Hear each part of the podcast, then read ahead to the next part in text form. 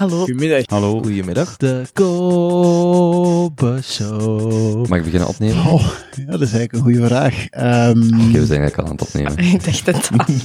de Kobe Show. De Kobe Show. 1, 2, 3, 4, zeg maar Herman. Dat ben ik. Maak fouten. Kijk om je heen. Kun jij deze eruit knippen? Blijf je verwonderen. Vind het talent in jezelf. Kobe Show. Woe. Oh ja, en luister naar de podcast van Kobe. Vandaag met uw gastheer, Kobe. Misschien eh, moeten we daar beginnen. Dat is altijd wel het, het, het leuke van mensen die training hebben, of dan nu politici, vaak eh, CEO's van, on- van ondernemingen, maar ook dus iemand in, in uw functie. Ik heb altijd de weerslag van, oei, ik hoop niet dat er iets gezegd wordt waardoor dat die probleem, persoon mogelijk in de problemen komt. Maar er zitten ook soms personen tegenover u die, die perfect weten of goed aanvoelen wat mogen ze zeggen of wat mogen ze niet zeggen. Pas op, als ambtenaar zei ik dan, ik heb het ook op de VRT gezegd, Maar onder eigen naam. ik spreek onder eigen naam, maar u probeert mij terecht dingen te ontlokken die ik niet wil zeggen. Maar pas op, ik ben geen politicus die dingen niet wil zeggen. Ik ben een ambtenaar die dingen niet mag zeggen. En dat is nog een verschil. Maar goed, ik ben nu gepensioneerd ambtenaar. Mhm. We zijn wel aan het opnemen. Nee. Eh, mag dit erin blijven? Dit mag er wel. Voilà, dan, zijn we, dan zijn we al aan het opnemen. Ook niet onbelangrijk om dat te zeggen, van we zijn nu aan het opnemen. Ehm, nee, want, want daar zit dan waarschijnlijk ook nog een juridisch verschil in natuurlijk, als u als ambtenaar... eh, want dat vond ik bijvoorbeeld in uw eerste boek, ehm allee, sorry, in ehm, de eerste babbel die wij gedaan hebben naar aanleiding van uw laatste boek, Achter de schermen van de VBI, ook een, wel een, eh, een, een mooie balans tussen, tenminste in mijn, in mijn lezing, tussen de, de, de waarheid of, de, of de, de, de feiten die gebeurd zijn, zonder daar te persoonlijk in te worden. Dat het, dat het geen het afval was tegen bepaalde personen, of het uitvallen tegen bepaalde personen, maar, eh, of bepaalde personen afvallen, maar dat het wel vrij waarheidsgetrouw bleef, tenminste in mijn lezing. Dat- Ik kon dat enorm appreciëren in die, in die setting. Eh, ik heb daar heel veel positieve reacties op gekregen. Sommige mensen zeggen nog meer van dat. Maar dan moet ik soms zeggen, ja, wat in dat boek geschreven is, is maar 10% van wat ik als fiscaal ambtenaar, als belastingdirecteur weet en mag, mag zeggen. De dingen die aan de oppervlakte gekomen zijn, doordat ze voor de rechtbank gekomen zijn of voor een parlementaire onderzoekscommissie. Die overige 90% valt onder mijn beroepsgeheim. En ik ben nu gepensioneerd, maar beroepsgeheim blijft levenslang. Als ik uit uw belastingaangifte weet hoeveel u verdient, hè, dan mag een gepensioneerde Ja, ja. controleur dat nog altijd niet onthullen. Maar dus ik zou nog zulke dingen kunnen vertellen, maar dat zijn dan belastingdossiers die ja, onder de mantel der liefde bedekt zijn en nooit in de openbaarheid zullen Mhm. Ja, dus dat wil zeggen dat... En dat respecteer ik ook. Ja, dus in dit boek staat wel alles, of quasi alles wat u had, heeft mogen zeggen, wat Ja. onder de openbaarheid of in de openbaarheid gekomen is. Alle andere verhalen, die blijven gewoon onder het beroepsgeheim vallen. Hmm, hmm. M- Misschien heel kort, ik, ik spring, ik eh, pik niet te graag op de actualiteit in, maar ik zag vorige week een berichtje over Optima Bank eh, in de tijd, vorige week. Ik denk dat er een, eh, een, eh, een, een, ehm, eh, wat is de juridische term weer? Dat het een allen in schorsing Raadkamer, zou zijn. ja. Ja, of, dat, of dat het zou geseponeerd worden, of ik weet niet meer exact. Volgt u, het- misschien moeten we niet per se op Optima ingaan, maar volgt u het nog? Ja, Optima was een van mijn belangrijkste Mhm. dossiers. Hè. 5000 mensen met een miljoen of meerdere miljoenen euro zwart geld. We zijn daar eh, binnengestapt. We hebben 2,5 terabyte informatie meegenomen. Dat is een heel debat. 2016, twee- Zes- ja. Nee, 2012. 2012. In 2016 is het dan failliet gegaan en is er die parlementaire onderzoekscommissie geweest. En heb ik ook kunnen spreken. Dus daar is ook al veel van het hele verhaal in de oppervlakte aan de oppervlakte gekomen. Ondertussen is meneer Piqueur, eh, zal ik zeggen, ze hebben hem eigenlijk laten vallen. Hij, hij behoorde tot de, de, de inner circle van de Gentse eh, elite, met de burgemeester en zo verder. Eh, dus hij, hij gebruikte dat ook als een vorm van eh, klan- klantenwerving. Ik ben ooit verdacht geweest van fraude, ik ben daarvan vrijgesproken, dus ik ben be- betrouwbaar, u mag mij al uw zwarte verhalen komen opbichten. En al die informatie zat in zijn dossiers, in zijn archief. En dat heb, daar ben ik in geslaagd om dat te pakken, maar we hebben het nooit kunnen gebruiken. Zwat. Eh, vier jaar later was die failliet. En dan is die persoonlijk al veroordeeld voor fiscale fraude. Dat proces is vrij snel gebeurd. Hij had met mij een afspraak gemaakt om belasting te betalen, een regularisatie te doen. Eh, geen al te dure, maar goed, afspraak is afspraak. Hij is die niet nagekomen en daardoor is hij eh, veroordeeld onder de regularisatiewet. Als je een regularisatieaangifte doet, is, was in het systeem toen een bekentenis van ik ben fout, maar ik wil het rechtzetten. En als je dat rechtzet, aangeven en betalen, dan krijg je ook een vrijgeleide, geen vervolging strafrechtelijk. Maar hij heeft het wel aangegeven, maar toen vond je het niet meer nodig om nog te betalen. Dat was dus voor de procureur het simpelste fraudebewijs ooit, want hij had het zelf bekend. En daarvoor is hij veroordeeld. Eh, de, het strafproces nu gaat eerder over de bankenfraude. En dat vind ik persoonlijk ook een beetje overdreven. Ehm, de Nationale Bank, de toezichthouder op, een op de financiële instellingen, heeft hem betrapt op, ja, eh, zal ik zeggen, overtredingen van de bankwetgeving. Eh, maar ook de anderen hebben dat gedaan. Dus ik vind het nu, ja, dit zijn een beetje vijgen na Pasen. Of heksenjacht, of een... Of een Ja, hij, hij, hij is een beetje van, van, van de, de groep van de, bes, de beschermde vrienden hè, verdreven en nu, nu zitten ze hem achterna. En dan vind ik het eigenlijk ook niet zo erg dat, dat dit proces over zijn bankenfouten eh, wat blijft aansluiten. ja, dat, dat Mijn verhaal is, is, is, daar is hij veroordeeld al voor het Hof van Beroep. Dat is al lang klaar. Hij was een fraudeur. Hij heeft fiscale fouten gedaan. Punt. Hè? En dus eigenlijk heb ik daar in dat dossier. eh, wie laatst lag, best lag, mag ik eigenlijk niet zeggen, zeker. Hè? Maar nu heb ik zelfs een klein beetje met hem te doen. We moeten ook niet mensen blijven achterna zitten. Ik ben ook als belastingcontroleur altijd een beetje voorstander geweest van een gematigde oplossing, regularisatie. Eh, anders moeten we duizenden mensen in de gevangenis steken. Die, ehm, u bent, als ik het mij goed herinner, eh, de zomer van 2020 op de podcast geweest. Ja. De tijd gaat snel, dus, dus, Ja. dus bijna twee, anderhalf jaar geleden. Nog reacties, nog dingen naar aanleiding van het boek die, eh, die, die gebeurd zijn? Ehm, vindt het boek zijn weg naar de juiste personen? Heeft u een publiek dat er eh, goed op reageert? Wat zijn nog dingen die gebeurd zijn sindsdien? Oh, er zijn 4000 exemplaren van verkocht. Hm, proficiat? Eh, de opbrengst is naar Wim van den Einde gegaan, die heeft het boek met mij meegeschreven. hè. Dus ik heb er zelf niks aan verdiend, dat is ook aan principe geweest. Als ik meedoe aan debatten, als ik lezingen ga geven aan de universiteit in Leuven of waar dan ook, eh, ik beschouwde dat als een deel van mijn ambtelijke opdracht. Ik werd als gewestelijk directeur niet buitengewoon, maar ook niet slecht betaald. En dus ik vond niet dat dat voor mij een bijverdienste moest worden. Dus- en dat geldt ook nog nu achteraf voor het boek. Ik, wil bij, ik, ik heb ook een goed pensioen, dus waarom zou ik bovenop mijn pensioen nog eh, mijn kennis of zo van, die te maken had met mijn... Dit valt onder publiek dienaarschap. Schap. Ja, Ja, inderdaad. Eh, de uitgever had eigenlijk ook wel een paar negatieve reacties hopen te krijgen. Hmm. Want dat, dat schept nieuwe publiciteit. hè. Maar Er is geen slechte publiciteit voor een boek. Nee, inderdaad. Hmm. Maar niemand heeft mij een proces aangedaan. Niemand heeft Hmm. van de beschreven slachtoffers, niemand is in de tegenaanval gegaan. Hmm. Eh, voor mij oké, maar voor de uitgever zelf misschien een beetje, een beetje jammer. Dus er komt, er komt wel geen, geen deel 2 of geen, geen extra memoires. eh, dit, dit is het. Dit is het Dit is het, slotstuk van uw carrière bij de BBI of als, als fiscalist. Ja. En ik dacht dat we het nu over het beginstuk van mijn carrière gingen hebben. Mhm. Het andere boek dat ik in 89 geschreven heb.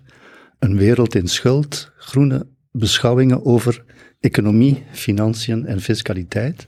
Laten we zeggen wat de twee met elkaar te maken hebben. Mhm. Het eerste was bij het begin van mijn carrière dat ik aan de toenmalige minister van Financiën, Mark IJskens, dat toen mijn baas was, maar vroeger mijn professor geweest was, een boodschap gegeven heb. Dit zou financiën in de komende jaren moeten doen vanuit het groene ecologische probleem. Hè? En dertig jaar later heb ik een boek kunnen schrijven of moeten schrijven. Dit had financiën kunnen doen of moeten doen vanuit het eh, fraudeprobleem. En tussenin ligt, ligt ja, 30, 40 jaar carrière. Hè. Misschien voor we teruggaan naar het verleden, nog even, want ik, vind het leuk, u verwijst in dit boek en het eerste boek, eh, zitten er een aantal eh, stukjes van eh, het evangelie van Matthäus. Die was ook eerst belastingcontroleur voordat hij apostel werd. Tollenaar noemden ze dat in het testament. Wel, u heeft net uw carrière als belastingcontroleur eh, erop zitten. Als u vandaag apostel wordt, eh, waar, waar bent u mee bezig? Wat interesseert u? Ik zie dat u actief bent op Twitter. Welkom terug ook op Twitter. waar, waar, hoe, hoe gaat het daar met u? Waar, waar kijkt u naartoe? Blijft u actief? Hoe, hoe, hoe ziet u, hoe ziet u nu die fase na het pensioen, of na, sorry, na de carrière die u gedaan heeft? Zijn er dingen waar dat u specifiek nog, misschien nog een, een ander boek wilt schrijven rond ik zeg maar een samenvatting van alles wat u tot nu toe gedaan heeft of, of, of gelooft? Ja, nee, eh, mijn vrouw zegt nu eigenlijk, ik ben nu twee jaar met pensioen, dat ik eigenlijk een luierik ben. Ik, ik doe niet zoveel meer buiten in de tuin werken en met de kleinkinderen huiswerk maken en zo. Ik beschouw mijn carrière als voltooid. Het eerste hoofdstuk ging over het groene thema, groene belasting, groene ecopolitiek. Het tweede hoofdstuk, het tweede boek, over fraude. Ik ben daar nog mee bezig, ik volg dat nog op. Maar ik vind actief daarin zijn, eventueel vanuit die ideeën opnieuw aan verkiezingen meedoen, dat zeg ik tegen iedereen die mij vraagt, dat doe ik niet meer. Hmm. Dat is de, de actie, dat is voor, de, Hmm. voor uw generatie. Voor de nieuwe generatie. En als je daar, degene die eruit kunnen leren, graag. En ik wil altijd graag daar nog over spreken. Ehm, maar ik ga niet meer actief zijn in, in die dingen. Op Twitter, ja, oké, dan Ja. verdedig ik die standpunten. Of ik, ik Hmm. leg nog bepaalde dingen, leg nog bepaalde dingen toe die de mensen niet weten. Dat vind ik eh, buitengewoon plezant. En ik ben nu zelfs een, een, een even eh on hold gezet aan Twitter, eh, omdat ik een, eh, een, een antivax-tweet doorgestuurd had. En dat was te- is tegen het beleid. Ehm, Ja, u was een maand weg. en ik was, ik, maar vrijwillig, hè. ik bedoel, ik had zelf meteen kunnen klikken, deze, ik erken dat deze tweet tegen het Twitterbeleid is, en dan hadden- ze mij direct terug vrijgegeven, maar eh, ik ben een maand vrijwillig weggebleven. En ik heb na een maand geklikt om te zeggen, oké jongens, eh, Oké, het is in orde. het is in orde. Maar wat daarachter zit, is ook altijd mijn idee, zowel eh, in, in al die dingen. ik wil in ieder geval mensen, ook jonge mensen zoals u, zeker niet aansporen tot paniek. Of het nu over het groene thema gaat, het klimaat, eh, de oorlog, eh, eh, het, ja, de- wat hebben we zo nog? Ah, corona. Hmm. Dus ik ben daar eerder gematigd in. We hoeven niet persoonlijk te panikeren. Dat is een persoonlijk advies. En ik vind ook dat we, zeker, en dat is een politiek advies, paniekzaaiers niet te veel macht moeten geven of niet te veel aan het bewind laten komen. Ook daar vind ik dat een, een bewind, een regering, een beleid eerder moet eh, aansporen tot, eh, ja, tot verbinding, tot gematigdheid. Eh, en dat heb ik toch ook nu een beetje in het coronabeleid gemist. En als ik dan alles, ben zelf geen antivaxer, ben ook gevaccineerd. Hmm. Maar als ik zoals een, een standpunt doorstuur van iemand anders, een vriend van mij trouwens, van Erik Gene, die, een beetje daar tegenin gaat, en je wordt dan eh on hold gezet, vind ik ook een beetje overdreven. Hmm. De- hmm, ik weet niet hoeveel ik eh, er, specifiek bij wil stilstaan. Ehm, de- hmm, even denken. U zei net, mijn vrouw zegt eh, dat ik misschien wel lui geworden ben, of, Ja. eh, maar het lijkt wel zo alsof u uw dagen goed kan vullen. Er is, eh, u blijft wel bezig. Het is niet dat u Ja, ja, natuurlijk. ja. een soort van romantisering van het verleden, kon ik maar terug, te- terug misschien meer op het podium staan, of Nee, meer nee, de touwtjes in handen hebben. Op een gegeven even- moment moet je ook zeggen, mijn, mijn job is voltooid, ik ben Mhm. gepensioneerd, ik ben tevreden, enfin, tevreden, gelukkig met wat ik gedaan heb. En dat is oké, hè. Mhm. Ik weet eh, na, onze, na ons eerste gesprek dan, eh, naar aanleiding van uw laatste boek, dat, u, eh, dat we er achteraf over aan het praten waren en dat u zei, kijk, ik heb eigenlijk, we hebben het eigenlijk volledig niet gehad over het, het eerste deel van mijn carrière, of misschien dan zelfs te beginnen bij uw studies aan de KUL, of misschien te beginnen bij Mark Eiskes als uw promotor of professor. Ehm, en u heeft mij dan het, het, het boekje uit 89 cadeau gedaan. En ik merk dan, ja, het is al sowieso van voor mijn tijd, maar ik ben opgegroeid in een, in een eh, realiteit, denk ik, waar dat, ik ken weinig generatiegenoten die het klimaatthema, in de breedste zin van het woord, ontkennen of in twijfel trekken. Er, iedereen is zich daarvan bewust. Hoe dat, dat dan wordt aangepakt, daar kunnen de meningen over verschillen. Maar als ik het, het, het boek van u las, dan moest ik constant de reflectie maken van, maar wacht eens, dit is 35 jaar geleden. Club van Rome nog langer geleden. Dus de vanzelfsprekendheid waarmee uh, die problematiek aanvaard werd, die was er helemaal niet. Dus of die was, die was minder, veel, minder breed gedragen of werd weggezet. Ja. mhm. Ik kan mij voorstellen, als men in Nederland een paar jaar geleden zei, we verlagen de snelheid naar 100 km per uur voor het stikstofdossier. Ja, 50 jaar geleden, goed, de realiteit was ook anders, maar dat zijn zo de noodzaak daarvan. Mhm. De, de tegenwerking zal waarschijnlijk nu veel minder groot zijn, omdat er de noodzaak hoger is. En ik vond het gewoon interessant om, dan, om daar nog eens met u over te praten, over misschien die begindagen van uw, van uw opleiding, dan de, de periode bij Agalef, het programma van Mechelen, Agalef en zo verder. Uh, omdat dat wel een, ja, een, een, een, periode is waar ik niet zoveel van weet.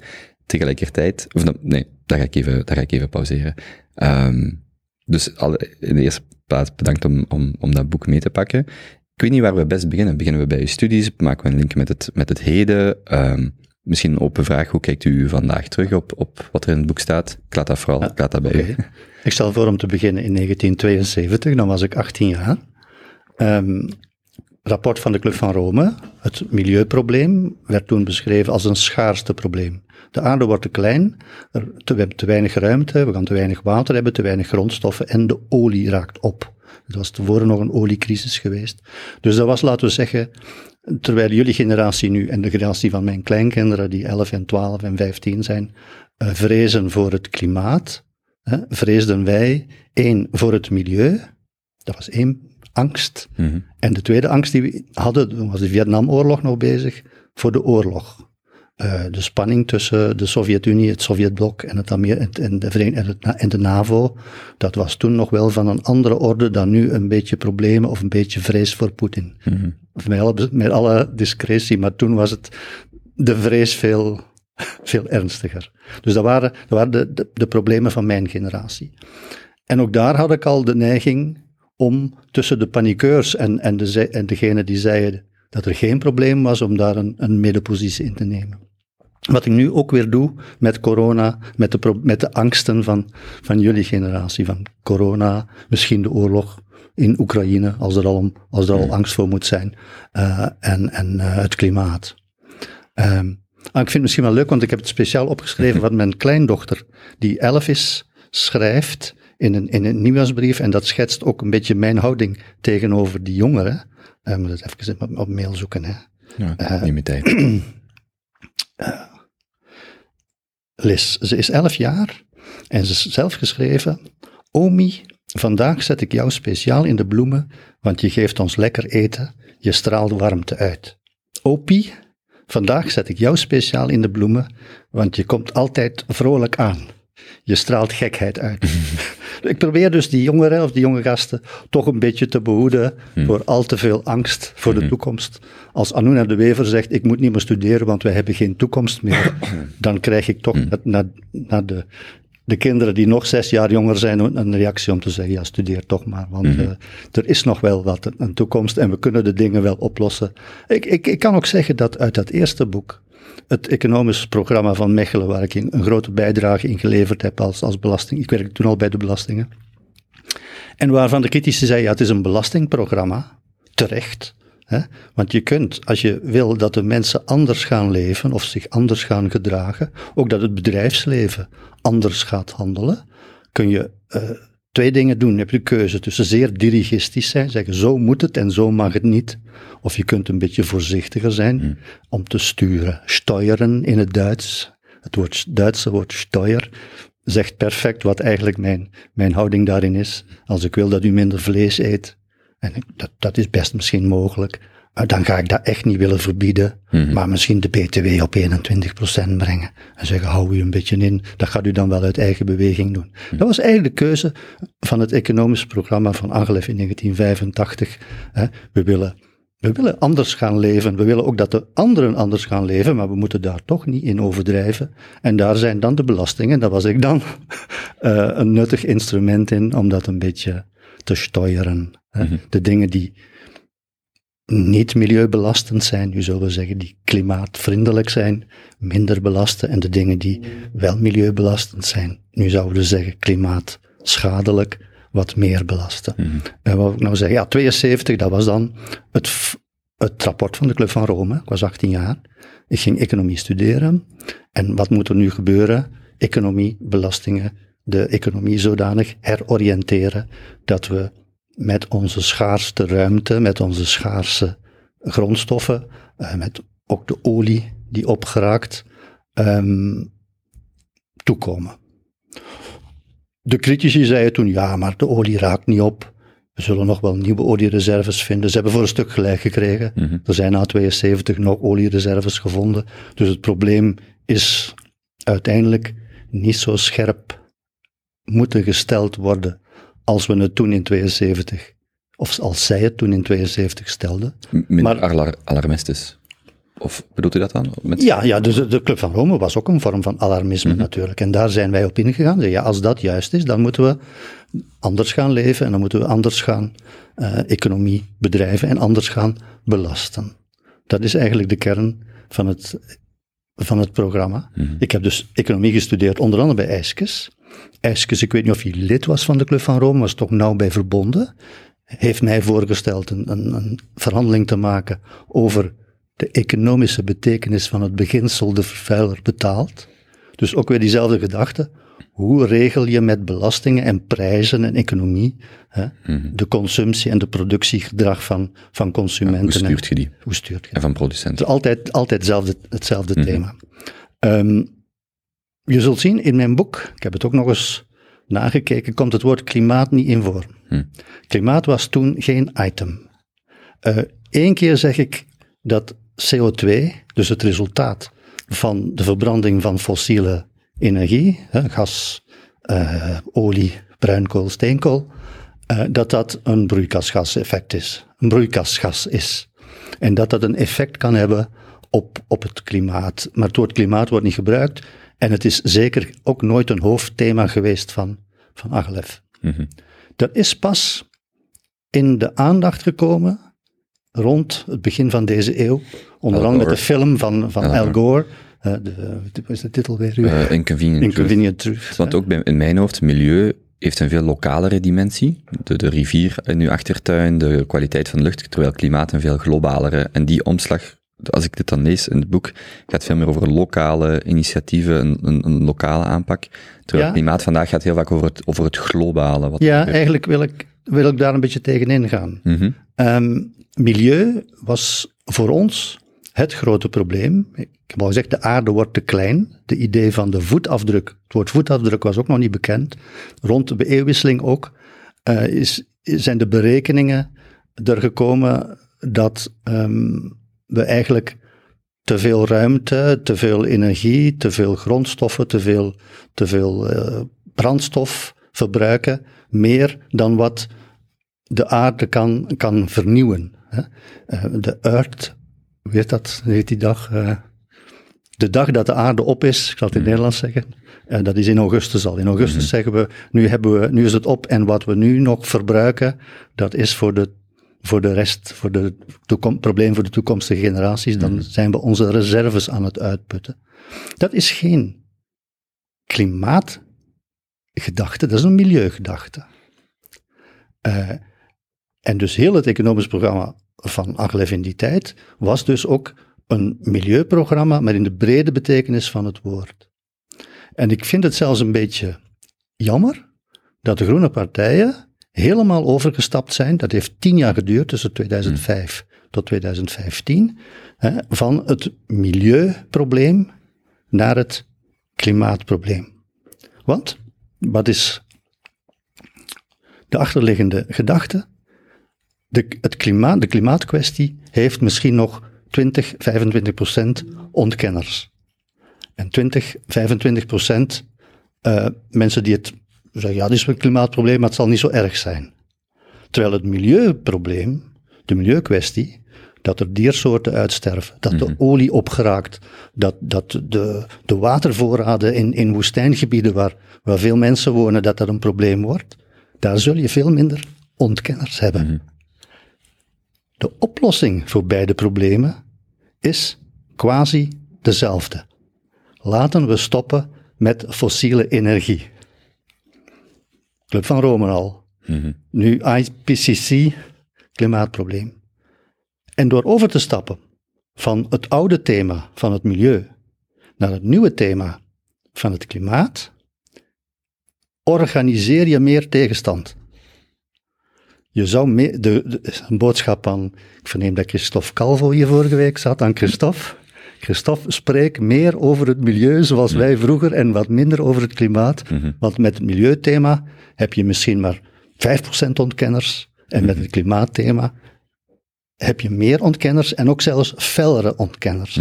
Dus de discussie wordt veel feller en dat doet eigenlijk een partij die moet stemmen winnen, niet per se eh, goed. Ben, ben net aan het denken, misschien dat ik daar juist met de woorden lokaal het, het, niet de juiste term. Voor mij, als ik een rapport lees over het klimaat, dat zegt dat de temperaturen met 1 of max 2 of zoveel graden mag, dat is voor mij te abstract, dat is te ver weg. Ik, Ja. kan, daar, ik kan daar heel moeilijk een inschatting van maken hoeveel het wel of niet drinken Ja. van melk daar een impact op heeft. Maar wanneer ik een strand zie dat vol ligt met plasticafval, Ja. Dan, en dat bedoel ik met de nabijheid of de abstractheid van milieu enerzijds, Mhm. de vervuiling die ik kan zien, die ik merk wanneer ik mijn raam openzet en er ligt zwart Ja. puin onder mijn, onder mijn raam in Antwerpen. Dat valt dan onder de, het lokale, maar het, Ja, ja. het tastbare van milieu, veel meer dan het klimaat, waar dat ja, wat gewoon abstracter is. Eh, de stijgende zeespiegel is voor mij te abstract om, en ik kan me voorstellen dat daaruit een soort, dat daar eigenlijk discussie ontstaat, die eigenlijk aan de, aan de kern van de zaak voorbij gaat. Want het milieu ondertussen, dat is iets veel tastbaarder. Dat is Ja. iets veel, iets Maar wat ik- veel ja. is. Maar ik hoor nu de verstandigste klimaatactivisten ook zeggen, het is niet alleen een klimaatprobleem. Hmm. Hè. De, de, de uitst- het uitsterven van diersoorten heeft niks met CO2, heeft niks met klimaat te maken en dat is ook een probleem. Ja. En Frans Timmermans, de Euro- eurocommissaris, zegt, ja, degenen die tegen klimaatmaatregelen zijn, dat, dat, dat appelleert dan aan wat ik zeg, ja, die zijn nog altijd wel voor milieumaatregelen. En het zijn dezelfde maatregelen. We moeten, we moeten van, van het gas af en we moeten van de olie af en we moeten van de steenkool af. Hè? Het probleem was natuurlijk vroeger met, eh, in het programma van Agelef, eh, ja, wij waren ook bang voor de oorlog. En om die reden waren we ook heel bang van kernenergie. Hmm. Ja, dat is, zitten we in een nieuwe debat van, willen we van de CO2 af? Ja, dan zouden we eigenlijk eh, misschien toch beter de nieuwe generatie van kerncentrales... In het eh, boek, misschien moeten we kernenergie tot iets later parkeren, maar ik lees het u ook meerdere keren schrijven dat kernenergie geen, eh, geen, geen plek heeft in, eh, Ja, in, in die toekomst. Of dat tegen 2000 de kerncentrale zal kunnen geslo- hadden kunnen gesloten zijn. Juist, dat was toen onze... Dat was toen, want misschien dan, u, u bent dan 18, eh, de Club van Rome ehm, brengt daar rapport uit. Voelt u dan al dat u, weet u, bent u dan al politiek actief? Het, misschien ook duiden, Agalef bestaansgeschiedenis, hoe dat u van 18-jarige stu- economiestudent tot eh, bij zeg maar, het programma van Mechelen geraakt, wat, dat, Mhm. wat daar daartussen gebeurt? En misschien ook nog voor de jonge luisteraars, als we over Mark IJskes hebben, misschien hem nog eens kort schetsen, eh, want dat is ook, uh, allee, de jonge luisteraars. Het is gewoon van voor mijn tijd. Ik ben al dertig, maar zelfs dan moet ik al goed nadenken, wie zijn die mensen weer allemaal, bij wijze van spreken. Ik zal daarmee beginnen. Dus Mark IJskes was de zoon van Gaston IJskes. Gaston IJskes is ook nog eerste minister geweest in dit land. Na de oorlog voor de CVP, de Christelijke Volkspartij, de voorloper van de CDNV van nu. Uh, Mark was ook professor, bij, ook vader uh, Gaston, professor economie in Leuven. Um, en zat dus ook een beetje verbonden met de Club van Rome. Um, en als ik afgestudeerd was en bij de belastingen begon, is hij ook nog een paar keer minister van Financiën geweest. Hij is ook nog eerste minister geweest in dit land. Dus wel eigenlijk, hij heeft ook boeken geschreven over, met filosofische inslag, met economische inslag. En ik heb mijn boek aan hem opgedragen, niet omdat ik hem omdat hij voor mij zo'n geweldig voorbeeld is, maar ik heb wel van hem geleerd. Mm-hmm. En de opdracht was eerder een boodschap van, kijk, u bent minister, hè, het groene financiële fiscale beleid, dat is nu aan u. Dat was eigenlijk de reden waarom ik mijn boek ook aan, ook aan hem opgedragen heb. Maar, maar, hoe hard leefde de, sorry, hij was CVP'er. Ja. Hoe, hoe hard leefde de groene gedachte bij hem? Wel, als lid van de Club van Rome was ja. hij daar eigenlijk wel okay. mee, mee, begaan. Maar dan de, de, ja, de groene, hij zal dat nooit een groene gedachte genoemd hebben. Hmm. Uh, zowel in, in de andere traditionele partijen, uh, bij, de, bij de liberalen had je po, uh, minister Poma, dat was eerste minister voor, voor, Milieu in dit land. Ook in, bij, de, bij de Volksunie, daar zijn men ook de, voorga, de voorganger van, Hmm. de, van de N-VA. Wij zijn de groene partij. Dus als daar een aparte groene partij opkwam, dan zei de andere, ja, maar waar, waar is dat voor nodig? Wij zijn toch ook groen, wij, staan toch ook, wij zijn toch ook uh, bezorgd om de toekomst van het milieu, om de, onze oliereserves en zo verder. Mm-hmm. Dat was trouwens, en dat heb ik dan tijdens mijn studies en na mijn studies ook wel meegemaakt, de eerste stappen van Agalef, anders gaan leven, waren eerder actievoeren. Er was uh, Pater Verstijlen in Veersel, die, die uh, ja, het talent had om, om actie te voeren en, en met kleine groepen actievoerders in de krant te komen. Je moet met niet veel zijn om in de krant te komen, als je daar mm-hmm. talent voor hebt. Om als je de, weet wat je doet, is het niet zo moeilijk. Ja, mm. inderdaad. Um, maar je had ook uh, Red de Voorkempen, dat was dan een actiegroep tegen het Duvaartkanaal van, van Merksem naar, uh, naar het Albertkanaal, dat er uiteindelijk toch inderdaad niet gekomen is. En je had zo overal wel groene eh, milieuactiegroepen. En in het begin ook Agalef, Anders gaan leven heette dat toen, eh, wilde maar de meest groene politici steunen in de andere partijen.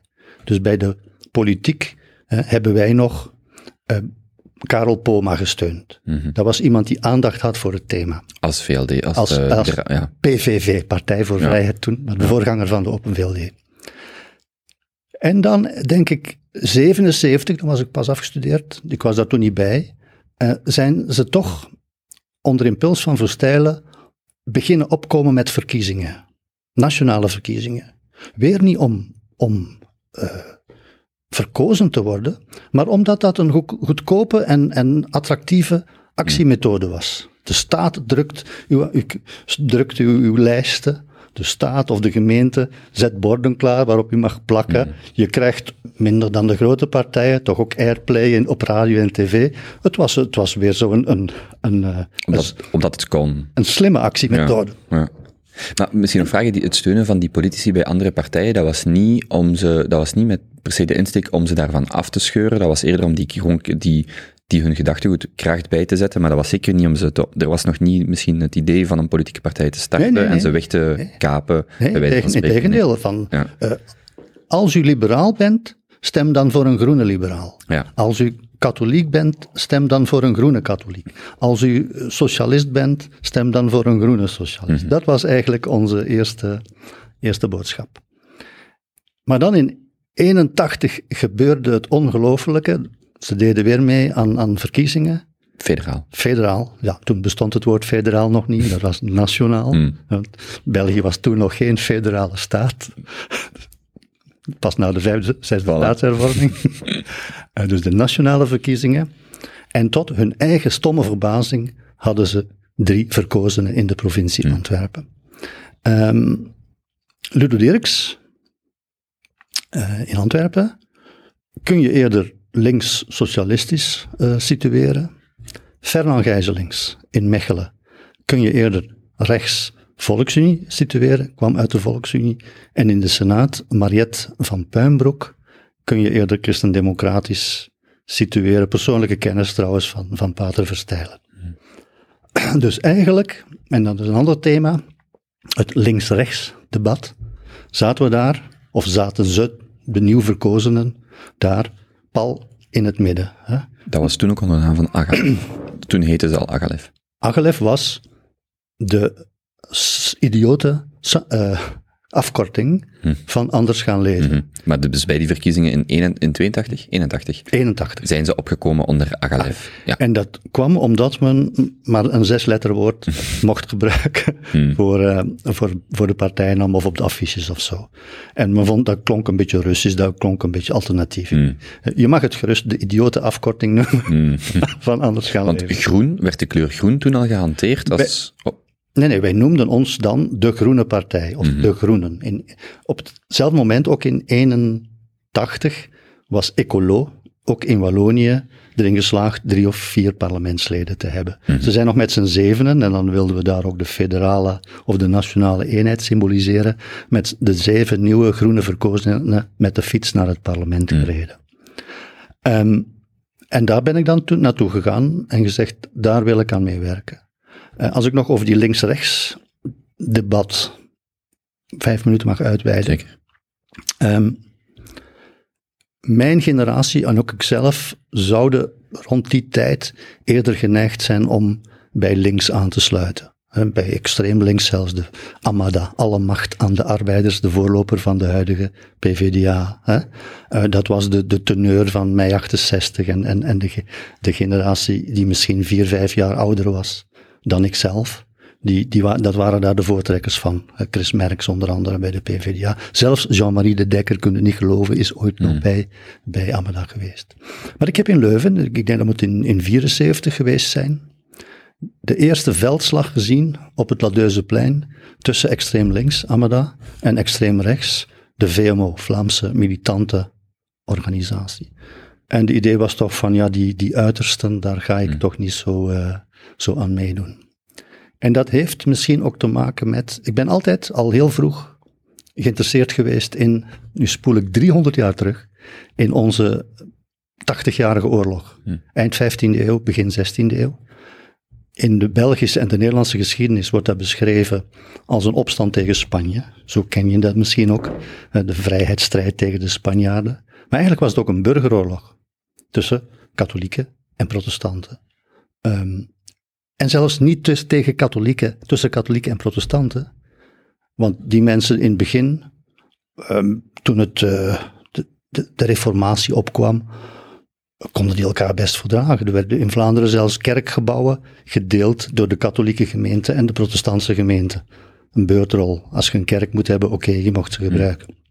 Maar je hebt ook daar weer de uitersten gekregen, die tegen elkaar in het, eh, in het geweer, letterlijk dan, eh, gegaan zijn. En dan zou ik eigenlijk eerder durven zeggen dat die, die 80-jarige oorlog een oorlog was tussen anti-katholieken, van de protestantse kant, en anti-protestanten van katholieke kant. Die wisten op den duur niet meer of ze katholiek of protestant waren, maar ze wisten wel tegen wie ze waren en wie de vijand was. En dan waren er van beide kanten nog wat vreedheden gepleegd. En op den duur is er voor een, een soort verbindende tussen, tussenoplossing geen plaats meer. En als je dat 300 jaar doorspoelt, vind ik dat je hetzelfde fenomeen gezien hebt en nog ziet in de 20ste eeuw.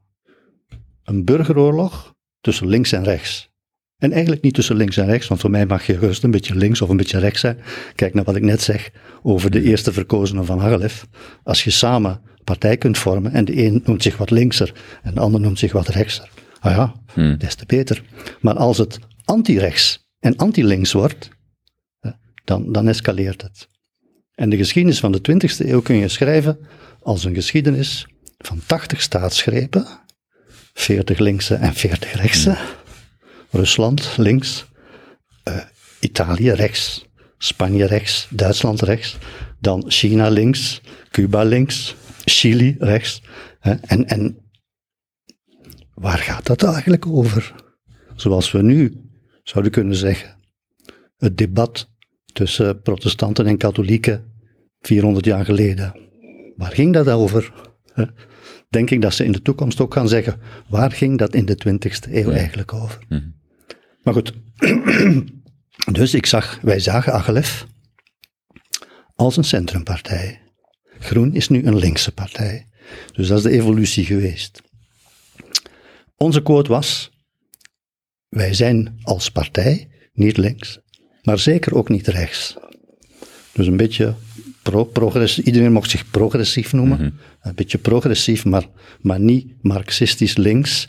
Want dan had je ook nog toen de grote spanning, ik heb het ook al gezegd, tussen de Sovjet-Unie en de NAVO.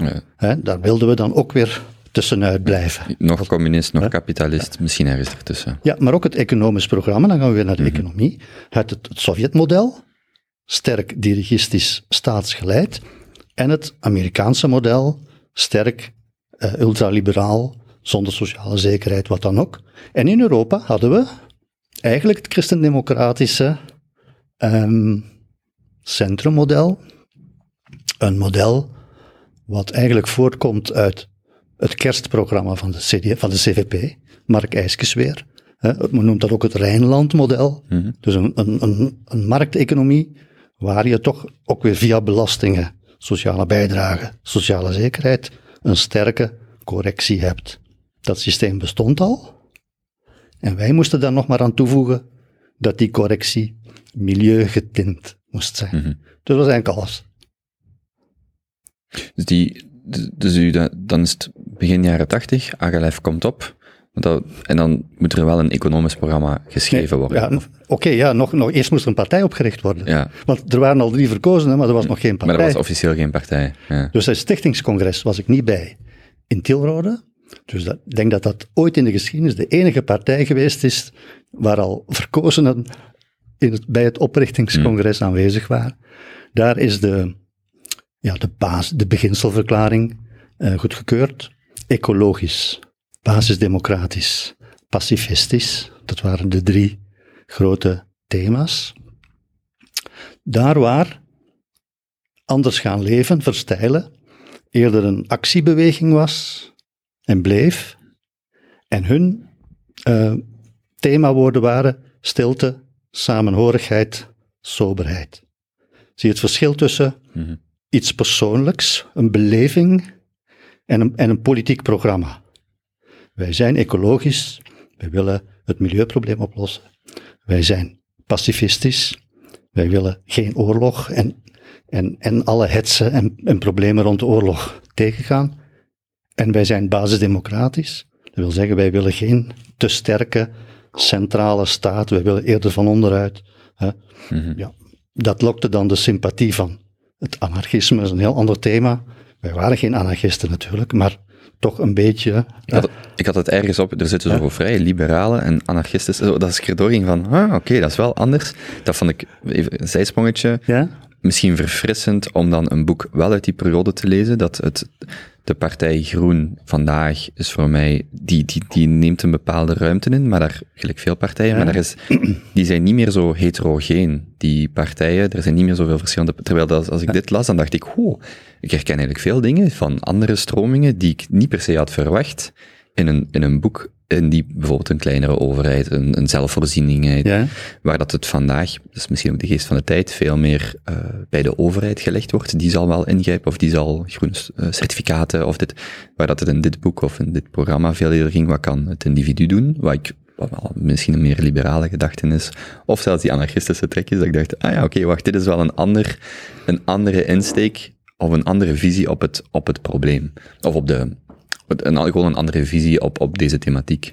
Ja, daarom, ik vind Groen ook een andere partij dan Agalef. Dat is een evolutie geweest, hè, die ik niet gevolgd heb. Dus ik ben er in 95 uitgestapt. Zwart, eh, het is hun gegund, hun, hun, hun huidige positionering in het eh, politieke spectrum. Maar dat, dat ben ik niet meer. Goed, dat mogen ze weten, dat is geen, dat, ik maak er ook geen groot punt van. Ehm, ik denk trouwens dat de trend in Europa eh, in die richting was. Ook de Duitse groenen zijn geëvolueerd van ja, een beetje een brede groene stroming, zoals ze dat zelf ook noemden, met, met liberalen, anarchisten, communisten, marxisten, boeddhisten, maakt niet uit. Hè. Ehm, de idee was een formulering van, van Ludo Dieriks toen, de, onze eerste verkozene. En dat was, dat sprak mij zeer aan, dat hij zei, de oude politieke tegenstellingen tussen liberaal en socialist als het over economie gaat, of over hoe de overheid in de economie Arbeid, kapitaal. Hè? Arbeid, kapitaal. Of gelovig vrijzinnig. Dat was, nu is dat helemaal voorbij, maar toen, Hm. Juist, dat was ook nog toen een was thema dat nog een thema. Ja. Hè? Of Belgisch gezind, Vlaams gezind. Willen we een, eh, een, een centraal België Hm. of willen we meer eh, een federaal België? Die thema's, oké, die, die, we, we, we erkennen dat die er nog zijn, maar dat dat een beetje aan het voorbijgaan is en dat er een nieuwe tegenstelling die over overtreft, hè? namelijk de tegenstelling, het groene probleem, eh, van gaan we altijd maar verder verbruiken en groeien en het, het, het, het- de economie altijd maar verder uitdijnen, eh, tot we zwaar in de problemen komen, of ja, eigenlijk zeg maar de ecologische tegenstelling. En dus, je kon, net zoals we, of zoals Agalef voordien, groene socialisten en groene liberalen en groene christendemocraten en groene volksunie mensen steunde, kon je binnen de groene partij die per ongeluk ontstaan was, hè, ook die verschillende strekkingen vertegenwoordigen. Dat was een moeilijke evenwichtsoefening, maar we zijn daar denk ik een tijd lang in geslaagd. Mhm. hè. Maar je hebt dan gezien de, de, de meest rechtse mensen, die ze hebben toch al vrij snel afgehaakt. Vernon Gijzelings, die in 81 in Mechelen verkozen is, stond in 85 niet terug op de lijst. Die had het binnen zijn groep niet waargemaakt. En die is terug naar de Volksunie gegaan. En eh, in 94, nog tien jaar later, heeft eh, Paul Staes, Europees parlementslid, Leo Cox, ehm, jarenlang partijsecretaris en politiek secretaris, zijn naar de CD&V, naar de toenmalige CVP overgestapt. Dus de, de rechtervleugel is volledig verdwenen en de centrumvleugel is voor een stuk verdwenen.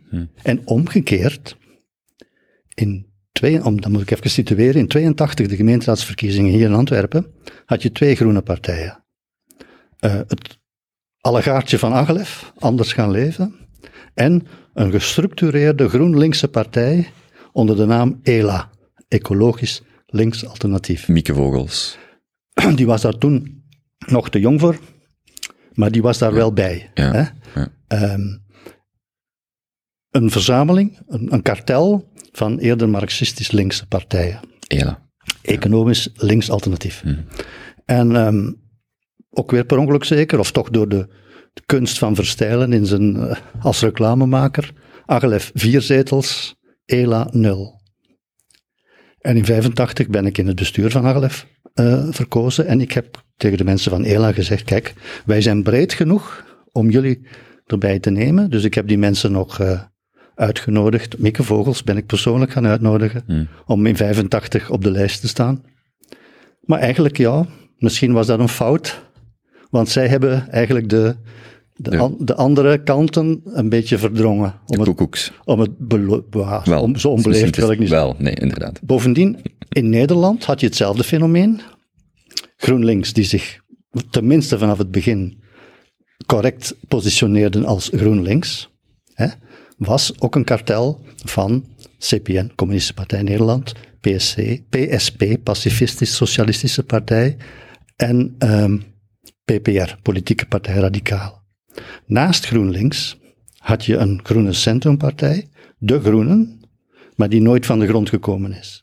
Wij zaten toen in Brussel en in de Europese Unie en probeerden ook een Europese groene fractie, een groene eh, partij s- eh, of samenwerking toch te organiseren. En we hebben lange tijd de beide Nederlandse partijen geaccepteerd als lid van de Europese Groenen. Nu hoor ik, las ik een paar, paar maanden geleden dat de Groenen eruit gegooid zijn. Ja. Kijk. Kan verkeren. Maar ze hebben het ook niet waargemaakt. Dat is dan, eh, dat is dan ook een beetje hun eigen fout. Is, is het ook een Europese tendens dat misschien de groene, de, de grondstroom of het ontstaan van de groene gedachtenstroom jaren 60, 70, 80, Ja. consolideren van die groene, van, van het, het, het erkennen van het probleem, partijen die opkomen. Is het een Europese evolutie geweest dat de groene partijen zich steeds verder van het centrum of linkser hebben moeten positioneren om relevant te blijven? Of zijn er ook voorbeelden waar dat eh, de groene partijen in het centrum, of zelfs vanuit een conservatieve hoek, van een rechtsere hoek eh, hebben gefloreerd? Want als u Nee. het zo zegt, Nederland, België, de andere ken ik niet zo goed. In Frankrijk hadden we Les Verts, die ook zei ni droite ni gauche. Hè? Hmm. Eh, maar die hebben het ook niet waargemaakt. Mhm. Ja, er, was blijkbaar geen, geen, ja, geen kiespubliek voor. Hè. Dan, dan, dan krijg je automatisch, en blijkbaar was het ter linkerzijde hè, eh, wel een kiespubliek voor. Die, daar hebben ze dus wel, eh, laten we zeggen, 10% afgesnoept van de socialisten en, en de marxistische partijen. Dat is dan eh, eigenlijk eerder een probleem voor, voor rood, hè, dat ze 10% aan groen kwijtgeraakt zijn. Dus 85 komt u bij de partij. En 83. 83. 2, 283. En toen was de vraag van, ja, nou hebben we al een, een, een, we hebben al een eh, parlementsleden. Misschien, sorry dat ik u zo vaak kan onderbreken, maar ook voor u persoonlijk. Dus u bent dan al een aantal jaar, u bent dan, wacht, Ik ben van in 77 belastingcontroleur. ja, dus u bent in functie, u bent ambtenaar en u werkt als belastingcontroleur op dat moment, ja. Maar ik ben nog altijd wel met die dingen bezig en ook vooral met het eh, groene, belast, eh, groene fiscaliteit. Eh, dat, dat volg ik nog altijd vanuit mijn studies en vanuit mijn dagelijkse praktijk ben ik daar heel, heel veel mee bezig. Sturende fiscaliteit voor een, groene, ja, voor een toekomst. Ja. Hm. sturen in twee richtingen met een sociaal aspect. Hè, dus de, ja, de herverdeling, rijkdom, een, toch een beetje versluizen van de al te rijken naar de mensen die, die eh, het minder breed hebben. Dat is een eerste sturing. Dat was er al, hè, met het kerstprogramma, met de, het Rijnlandprogramma, eh, de sociale zekerheid en zo verder. Dus de tweede bijkomende sturing moest dan zijn in de richting van Milieu. eh, ja, milieu en eigenlijk nog simpeler, eh, vooral af van de fossi- fossiele brandstof. Dus een zeer belangrijk thema daar was, laten we de energie maar drie keer zo duur maken. Het is is fossiele. De fossiele energie. Het is misschien niet het moment om dat te zeggen, want dat is nu niet populair, want nu is het aan het gebeuren. Eh, niet vanuit, vanuit de overheid, maar ja, door marktomstandigheden. Ja, ik zat wel, eh, ik denk een maand of twee geleden, korte zijsprong, te luisteren naar de afspraak op vrijdag. En daar zei, ik weet niet wie het was, ik geloof dat het een filosoof was, die zei, eigenlijk is de prijsstijging, en die was toen nog minder straf dan nu, goed voor de klimaatzaak, hè, want Ja. energie wordt veel duurder en mensen zien. Ik dacht, goh, als dat, ik heb begrip voor het intellectuele argument, maar ik denk dat je daar heel weinig mensen mee gaat overtuigen. die Maar ik ben het daar wel helemaal mee eens. Absoluut, maar dan denk ik, ja, als jij, ik ken mensen die een voorschot gaan van 80 euro naar 250, 300 euro per maand. Als dan naar iemand, en het heeft ook een beetje vanuit een soort van eh, ivoren toren, vanuit een academie, want dat, dat, het was ook een, het was niet enkel de boodschap, maar ook de manier waarop. Dan denk ik dat daar veel mensen naar kijken en zoiets hebben van, jij mocht dan intellectueel, je, je mocht gelijk hebben, maar jij gaat niet gelijk krijgen. En dus die, en misschien de zijsprong die ik wil maken is, eh, want je hebt dan dat, in de jaren tachtig dat bond allegaartje of die verschillende stromen. Hoe vormt zich dat dan naar een, naar een economisch eh, programma en hoe loopt dat verder? En de sprong mij vandaag was dan van, hè, je zit dan met die hoge energieprijzen, eh, maar eh, eh, hebben mensen dan voldoende door wat het alternatief dan is? Of zijn ze gewoon te boos en willen ze gewoon dat de overheid het maar oplost? Hoe ze het dan ook oplossen? Ehm, die, die, die spanning zo daartussen. Ik denk dat ons antwoord toen ook in 85 weer was gematigdheid, niet te gehaast zijn. De Duitse Groenen hadden op dat moment het aangedurfd om een verdubbeling van de benzineprijs aan de pomp voor te stellen. Hm. En meteen halveerden ze in de peilingen. Hm. Dus dat zien we nu weer. Degene die dat nu zouden verdedigen, die verdrievoudiging van de prijzen aan de pomp, van anderhalve euro naar 4,5 euro. Ja, die, die, moeten die moeten in 2014 niet opkomen met de verkiezingen. Nee, die gaan, ja, ja. Ja, dat is duidelijk. Maar het is wel, en, en ik mag dat bevestigen, want ik wil niet meer meedoen aan verkiezingen. Hè, het is wel het juiste economisch programma. En ik denk dat ook veel mensen dat weten. Wat is dan de, de, de, de verzachtende omstandigheid ervan? Kalm aan. Niet, allemaal, niet alles tegelijk. Het gebeurt nu te snel. Wat nu op drie maanden gebeurt, had op 30 jaar moeten gebeuren. Daar hadden ze in, in 85 mee moeten beginnen met die prijzen en die belastingen langzaam te verhogen. Dan heb je de mensen makkelijker mee. Je geeft de economie, de bedrijven, de mensen ook de kans om zich daaraan aan te passen. Want nu worden ze, eh, al, bij manier van spreken, de, ja, ik heb niet de juiste uitdrukking, pak ik niet uit, het signaal is duidelijk. Eh, dus dat, ook omdat elke fiscale hervorming, ook in andere richtingen, ook heeft winnaars en verliezers. Dus ik heb altijd gezegd, ik ben grote voorstander van een fiscaal, economisch, ecologisch programma, maar geleidelijk aan. Om de winsten en de verliezen op korte termijn niet te groot te maken. Als ik zeg, ik wil de BTW omhoog en de inkomstenbelasting omlaag, hè, dat, dat, is, dat, zit, dat is elementair daarin, maar met kleine stapjes en niet brutaal. Ehm, en tweede punt daarbij, daar moet een sociale compensatie zijn. Als we de energie, de elektriciteit, gas eh, twee, drie keer zo duur maken, zijn er mensen die te weinig verdienen.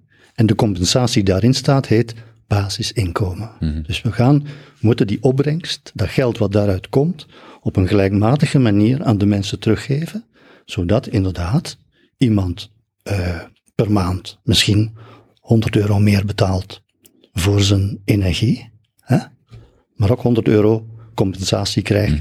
Je zult dan zeggen, ja, maar dan komt het toch op hetzelfde neer. Nee, want de grote verbruikers worden ontmoedigd, want die zullen meer betalen en de spaarzame mensen worden beloond. Dus de verschuiving van een eh, lage energieprijs naar een hoge energieprijs gecompenseerd door een basiskorting, eh, is toch een wezenlijke groene maatregel. Daarom ook dat ik nu eerder voorstander zou zijn vandaag voor een basiskorting van 100 euro per maand dan voor een vermindering van de BTW. Want de BTW is een procentuele vermindering. Een vaste korting sluit eerder aan bij de gedachte van het basisinkomen. Want een basisinkomen kun je alvast beginnen met basiskortingen. Op gas, elektriciteit, water en zo verder. Geef iedereen bijna gratis, of toch zeer goedkoop, de minimale noodzakelijke voorraad aan water, elektriciteit, gas.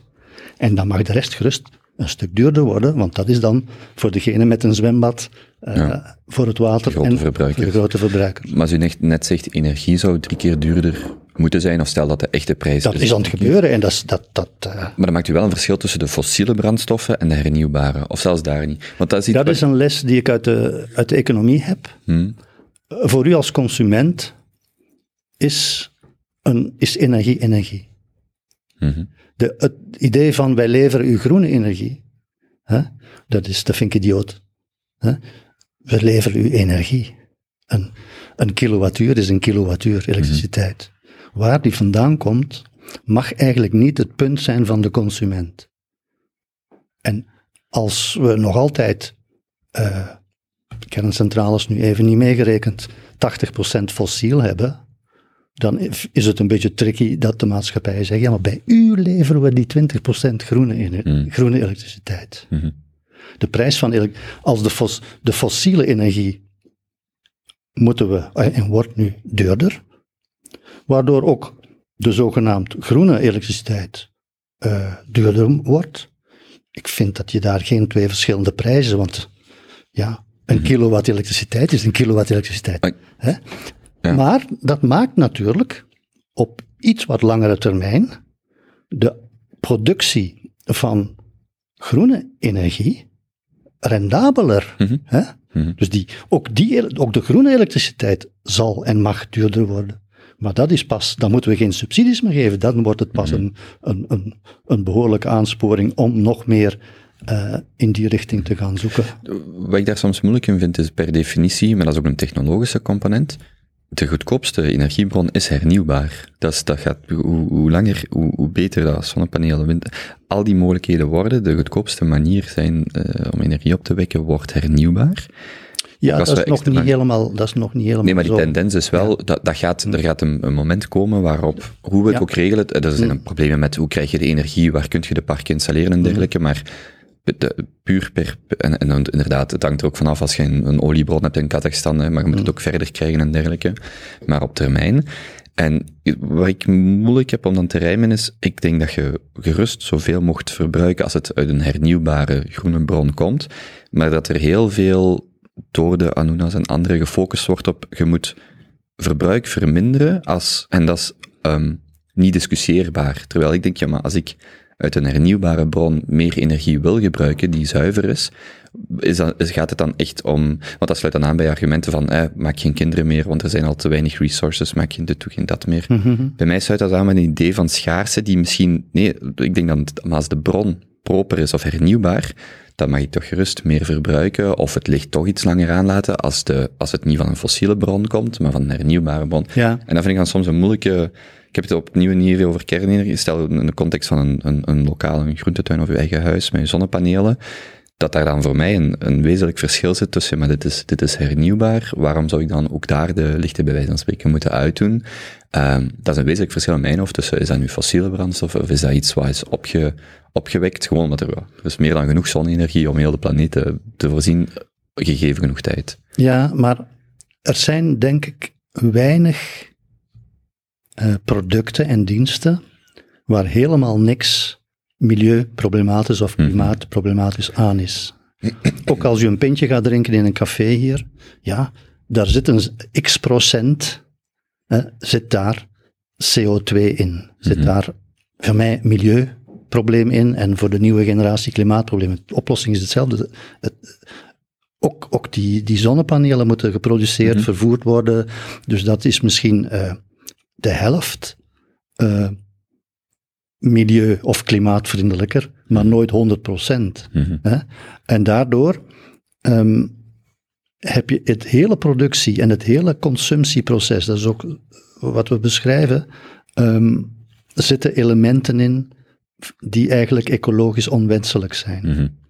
Dat is heel jammer, bijna dat ook, ja, leven is, Is energie is energie. Mhm. Hè? En maar we moeten natuurlijk die fos- fossiele energie zoveel mogelijk kunnen vervangen door ja, ofwel menselijke energie, arbeid. Mhm. Hè? Dat is bijvoorbeeld een belangrijk thema in onze landbouw. Wat we nu eten, hè? Dat, is, uh, dat is olie, hè? Dat, is om, dat is in voedsel omgezette olie. Mhm. Hè? Via meststoffen, via en zo verder. en heel weinig arbeid. Hè, ook tra- zware tractoren die heel, heel veel verbruiken. Dus daar moeten we inderdaad het, het eh, fossiele energiegedeelte kunnen verminderen. En dat is dan noodzakelijk terug een beetje meer ja, zon, regen, hè, koeien die buiten lopen in plaats van koeien die in de stal staan. Eh, en menselijke energie toch een beetje meer harken in plaats van met sproeistoffen. Eh, maar dat kun je niet, dat kun je zeer moeilijk reguleren met een landbouwbeleid. Je kunt natuurlijk zeer extreme producten als DDT verbieden, maar voor de rest denk ik, wat- en dat, daarom ben ik nu toch gematigd optimist over de energieprijsstijging. Je ziet nu al dat aardbeientelers in de winter en snijbloemen in, in de winter die veel warmte nodig hebben, die productie is gestopt. Dat is misschien spijtig, jammer. En als dat te snel gaat, gaan daar mensen aan failliet. Dus het had allemaal wat trager mogen gaan. Weer, de mensen hadden zich moeten kunnen aanpassen. Maar dat hebben wij in 85 al wel gezegd. Ja. ja. Het, zal, het, zal, het zal in die richting moeten gaan. Die, die rozen voor je vriendin logisch in de je- winter. ja, sorry. Doe het maar in de zomer. Hè. Mhm, absoluut. Ja, en het is ook niet omdat iets hernieuwbaar is of uit een, een, pro, een zuivere bron is, dat dat tot een, dat dan de logische conclusie meer consumisme moet zijn. Het gaat nog steeds over de balans. Alles heeft een externaliteit of Mhm. een, een, een kost, een externe kost. Dus het gaat niet louter om verbruik maar meer. We hebben overschot. Het gaat ook om een moderatie van het gebruik van de eh, resources, van de, de, de, Bronnen. ons- de bronnen Bronnen, die we hebben. Ja. Ja. Dus ik hoop dat wij Agalef begin jaren 80 en dan moet er dan een economische, dus die mensen zijn verkozen, die drie, ehm, dan wordt de partij gevormd. Ik ben, ik ben op een gegeven moment naar Ludodirks gestapt op een, op een meeting of zo. Zeg, ik, wil wel, ik wil wel meedoen. Mhm. Ah, zeg je, we hebben net een werkgroep economie opgericht. Dat was 283. En we zijn beginnen schrijven. En dat was ook weer eh, niet simpel. Links, rechts, eh, gematigd, eh, marxisten, boeddhisten. hè. En dus dan ge- geleidelijk aan hebben we daar een evenwicht gevonden. Eh, met, we zijn met teksten de boer opgegaan. Ik denk dat we alle provinciale groepen bezocht hebben in debatten. We hebben ook met extern, externe eh, adviseurs gedebatteerd. Frank van den Broeke bijvoorbeeld, was toen een jonge marxistische econoom. Eh, en dan in, in mei 2015 het congres. Het, Het eh, economisch ne- con- 1985. Eh, sorry, ja. 85 jaar. Ja, ja, 85. Ja?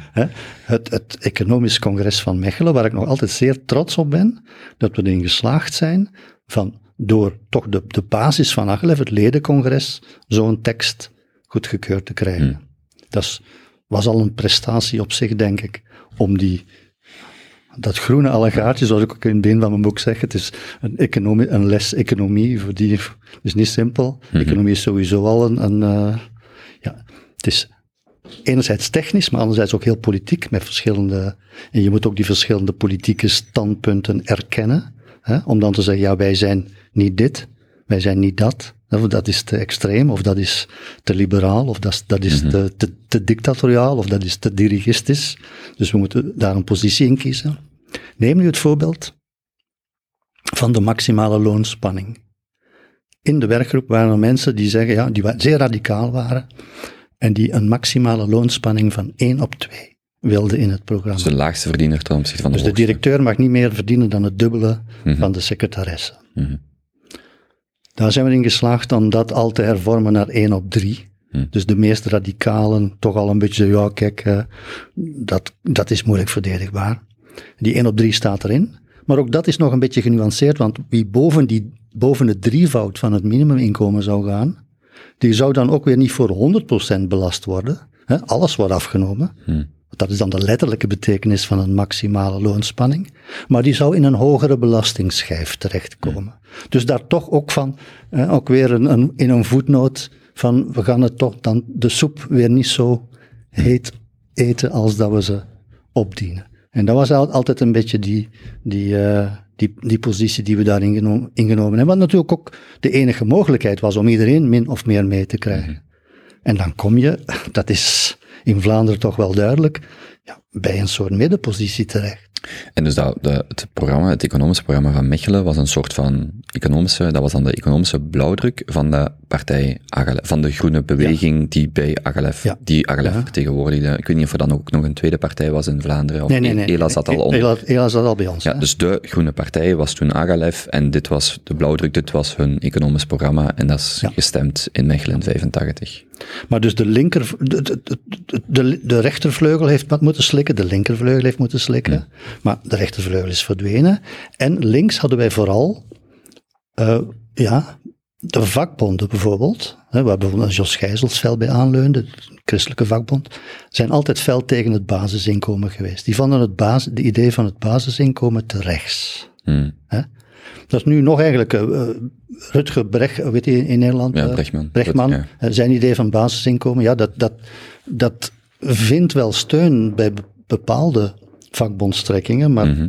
maar als je daarin doorgaat, dan, dan zullen de meesten daarin toch niet volgen. En En je hebt natuurlijk, Omdat dat rechts, voor mij is dat eerder een links thema vandaag. Ik ben zo even zo, oh, wacht. Omdat dat bij mij uitgaat vanuit een, ehm, een staatsgestuurde eh, subsidie, uitkering, hoe het. Misschien dat het daarom. ehm, ik, ik, eh, je kunt het met een, met een quote zeggen. Eigenlijk, eh, basisinkomen heb je natuurlijk een linkse versie als die hoog genoeg is. Als, als je zegt, als je basisinkomen gelijkstelt aan minimumloon, Hmm. van iedereen krijgt nu 1400 euro, sowieso, ja, dan is, dan is dat een, een links thema. Dat is ook een beetje Rutger Brechtman. Mhm. Maar je hebt de rechtse versie is, geef iedereen 700 euro als basis. Mhm. Dat is dan een laag basisinkomen.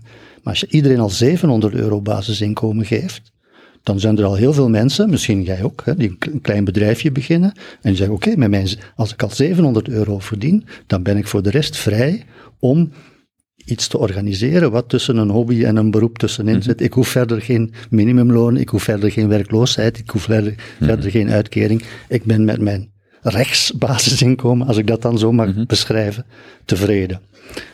En wij zaten er ook weer een beetje tussenin, denk ik. Het kan niet te hoog zijn, want dan moest ik zeggen als belastingcontroleur, waar gaan we dat allemaal halen? En het kon ook niet te laag zijn, want dan zei de vakbondsvleugel, ja, maar daar gaan we de mensen hè, toch niet mee, eh, mee wegsturen.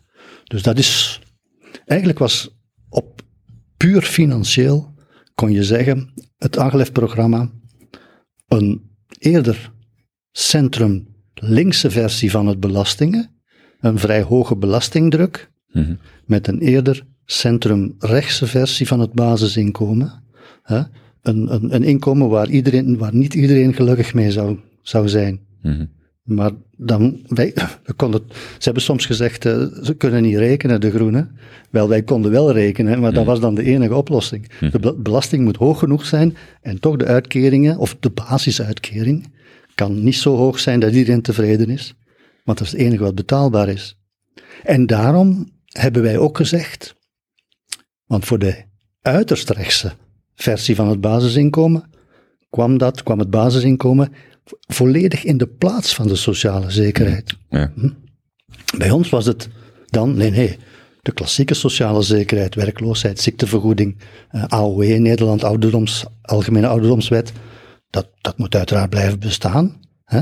Maar wie daar nog uitvalt, daaronder moeten we nog een, een, een steunpilaar vormen die nodig zal zijn om de hogere energieprijzen en de hogere benzine aan de pomp ook voor die groep mensen nog, nog houdbaar te Zo maken. ken ik het argument ook van Roland du Châtelet toen die Dat actief was, ja, ja, met zijn vivant zat eigenlijk... consolidatie van, je krijgt al zoveel van, we gaan dit nu gewoon consolideren als zijnde een basisinkomen, want dat, dat vervangt dan, dat is dan de optelsom van kinderbijslag en dergelijke. voilà. Ja, zo, zo in die vorm. Studiebeur, studie, een, een, een hoop bureaucratie en belastingcontrole zou daardoor ook vereenvoudigd worden en kunnen, kunnen Ja. vermeden worden. Ja. Als u, ik weet niet of u daar, eh, hoe gaat het dan verder bij Agalef? Het programma wordt gestemd in 85. Eh, u- u zegt, ik ben er later uitgestapt. Hoe, hoe gaat het verder vanaf 85? Het, dat programma heeft mij een zekere populariteit opgeleverd, denk ik, binnen de leden. En in 85 ben ik door het congres verkozen tot eh, in het uitvoerend comité. Mhm. Wacht, uitvoerend comité is gelijk het partijbestuur vandaag. Partijbestuur. Ja. Maar de stuurgroep, om in gemeentetermen te spreken, de gemeenteraad, Mhm. uitvoerend comité, schepencollege. Ja. Ja. Eh, En die hadden allebei een, geen voorzitter, want dat woord was taboe. In de statuten stond een gespreksleider. Hm. Dus de- de stuurgroep had een gespreksleider, kamervoorzitter zeg maar. En eh, het uitvoerend comité had ook een gespreksleider, burgemeester zeg maar. Dus ik was burgemeester van Agalef. Mhm. Mhm. en dus ja, formele dingen. We hebben een huis gekocht bijvoorbeeld, daar staat mijn handtekening onder. En, maar ik was belastingcontroleur. En de bedoeling was natuurlijk niet dat wij eh, op het podium eh, politiek zouden bedrijven. Dus eigenlijk achter de, waren wij een soort politbureau, dat is een heel negatieve term, hè, die achter de schermen de zaak eh runde. Mhm. Eh, en ook wel, toch wel moest, ik herinner me toch wel, dat er tussen de parlementsleden spanningen waren van wie mag er nu naar de zevende dag of naar televisie? Of wie mag er de vrije tribune in Le Soir schrijven? Wel, dat besliste ik over. Mhm. Hè, dus Vogels, jij mag nu naar de televisie. Dirk, de vrije, wilde jij een vrije tribune schrijven voor Le Soir? Dus dat, eh, dat heb ik nog mee gedirigeerd. Had u zelf politieke ambitie op dat moment? halfveling wel, al heb ik met de verkiezingen van ehm 85, parlementsverkiezingen van 85, mijn beurt laten passeren. Mhm. Als ik gewild had, denk ik, had ik in de Kamer kunnen zitten.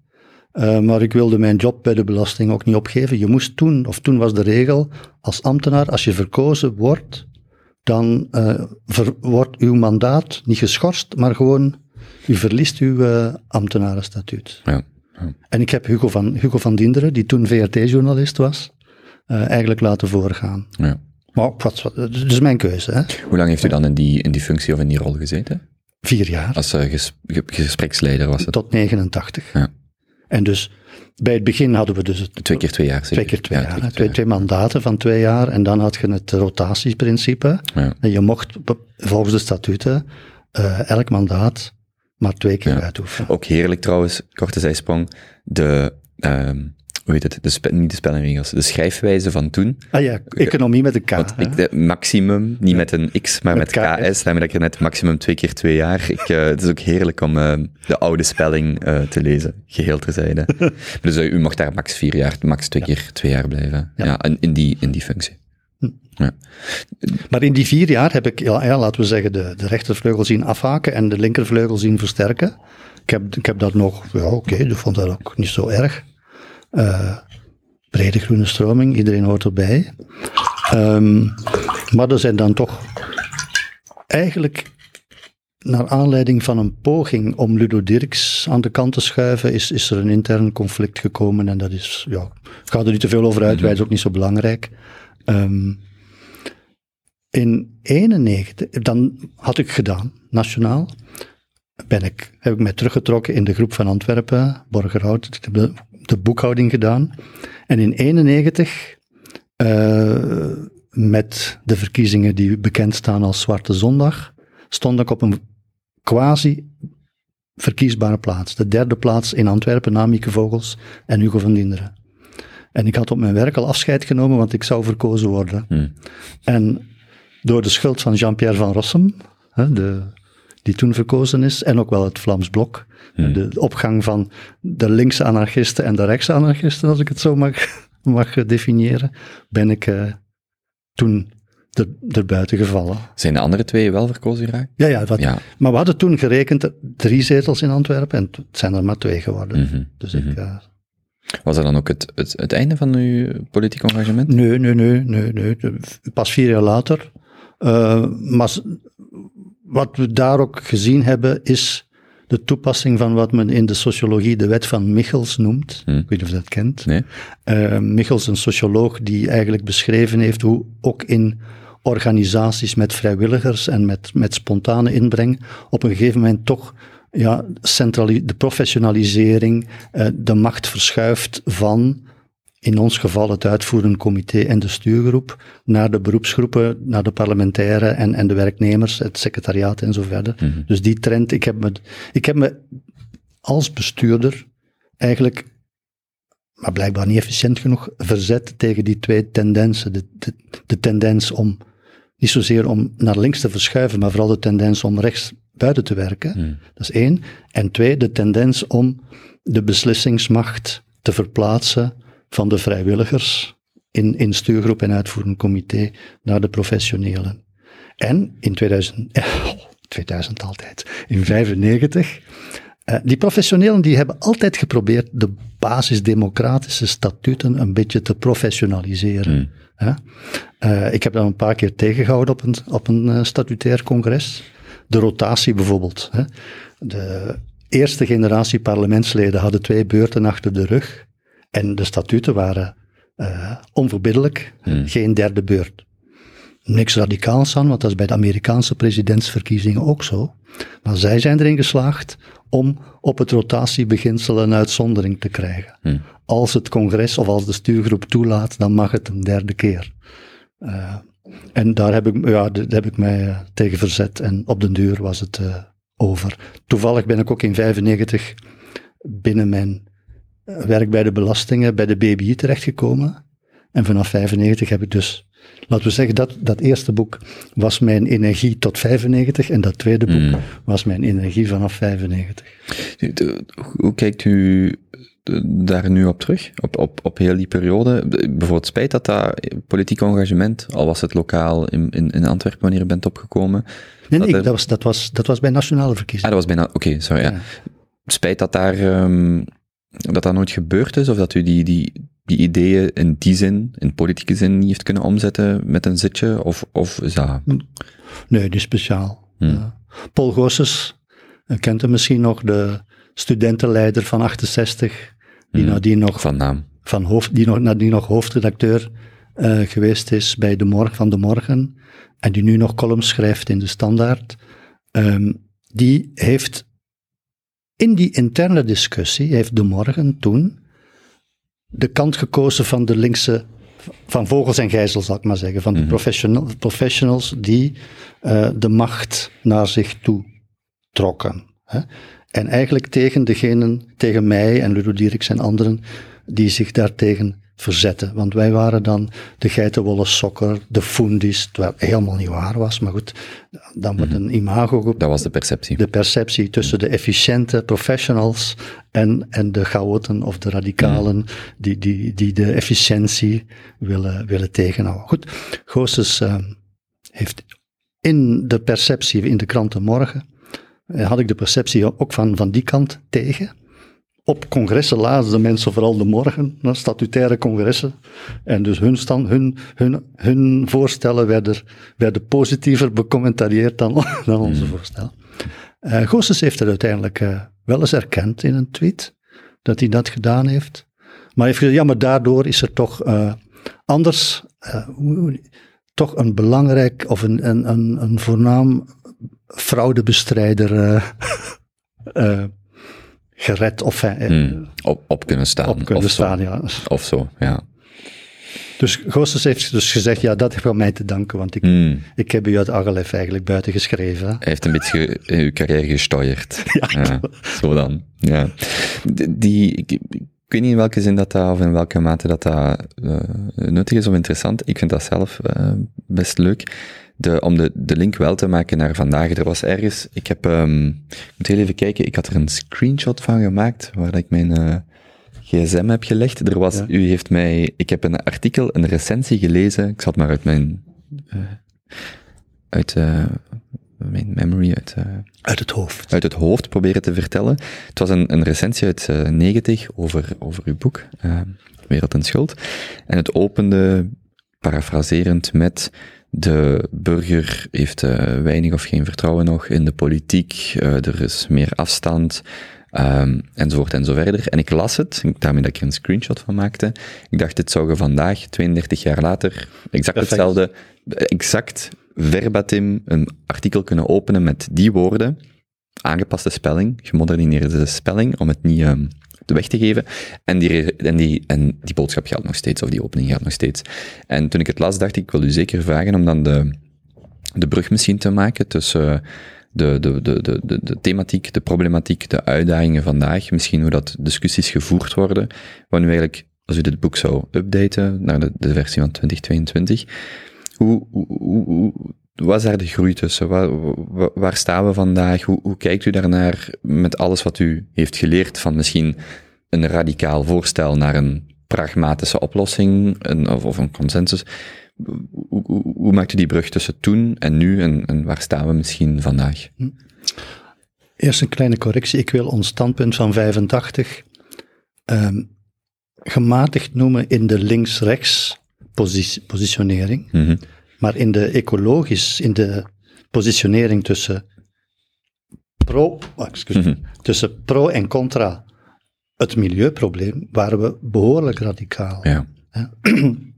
Anders gaan leven betekende echt wel eh, minder, minder vliegverkeer, eh, minder vlees eten, wat men nu ook zegt. En eigenlijk eh, niet minder economische groei, niet de degrowth, de, het, Mhm. maar wel bepaalde sectoren, bepaalde industrieën, bepaalde producten, die moeten eh, minder verbruikt en minder geproduceerd worden, maar niet de hele economie. Dus ik zie geen enkel reden om bejaardenzorg eh, of, of, of eh, kunst en cultuur, om, om daar minder te willen groeien. Integendeel, de, de, de redenering was als bepaalde activiteiten U mag hem, u mag er wel dichterbij trekken. als bepaalde activiteiten, hè, bepaalde producten, inderdaad wel behoorlijk minder moeten, dan zullen we misschien andere eh, producten meer moeten doen. Hè.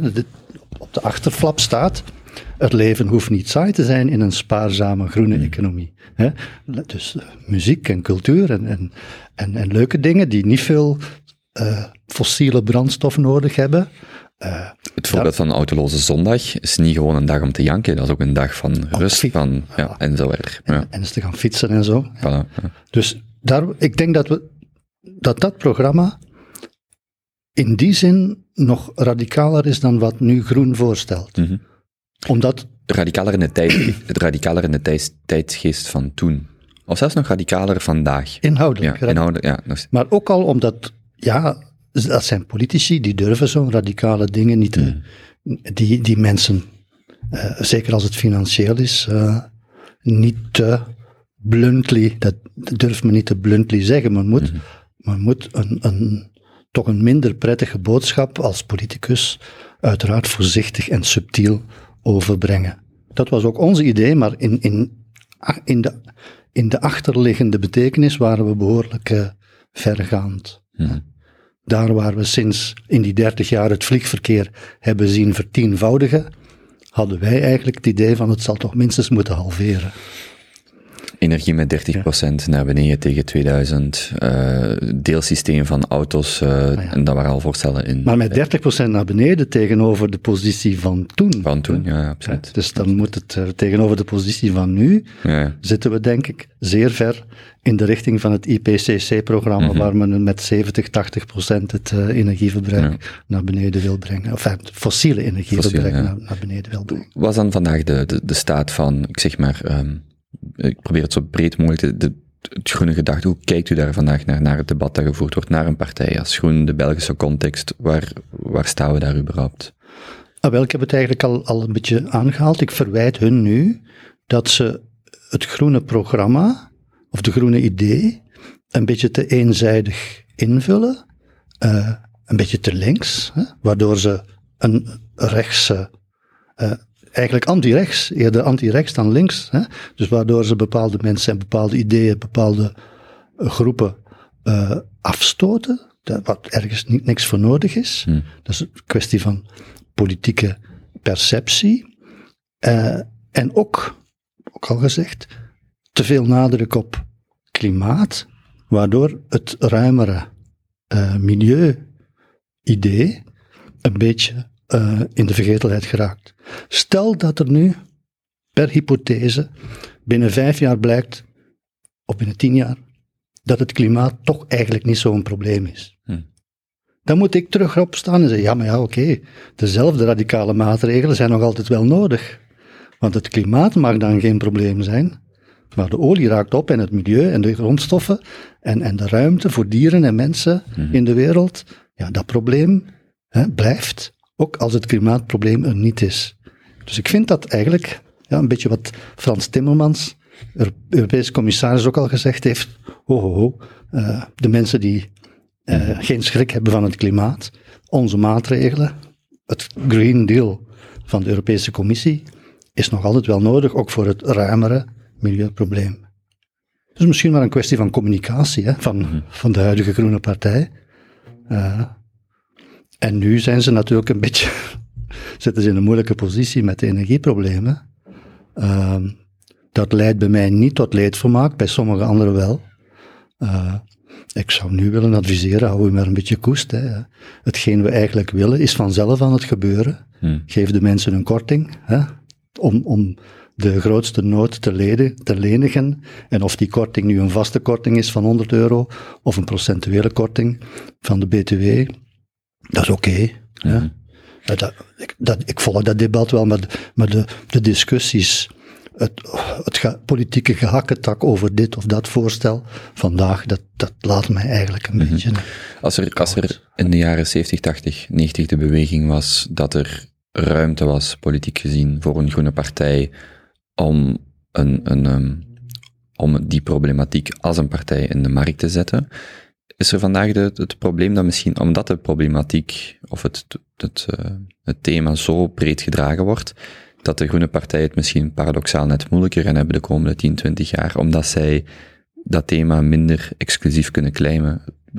Ik, als Ja. je naar, naar de discussie kijkt tussen het einde van de maand versus het einde van de wereld, wat dan denk ik een jaar geleden eh, tussen Conor Rousseau en ik denk uh, Almaty een grote discussie was over, ehm ja, zwart, ik denk dat dat vorig jaar veel in het nieuws kwam en nu ook weer met energieprijzen.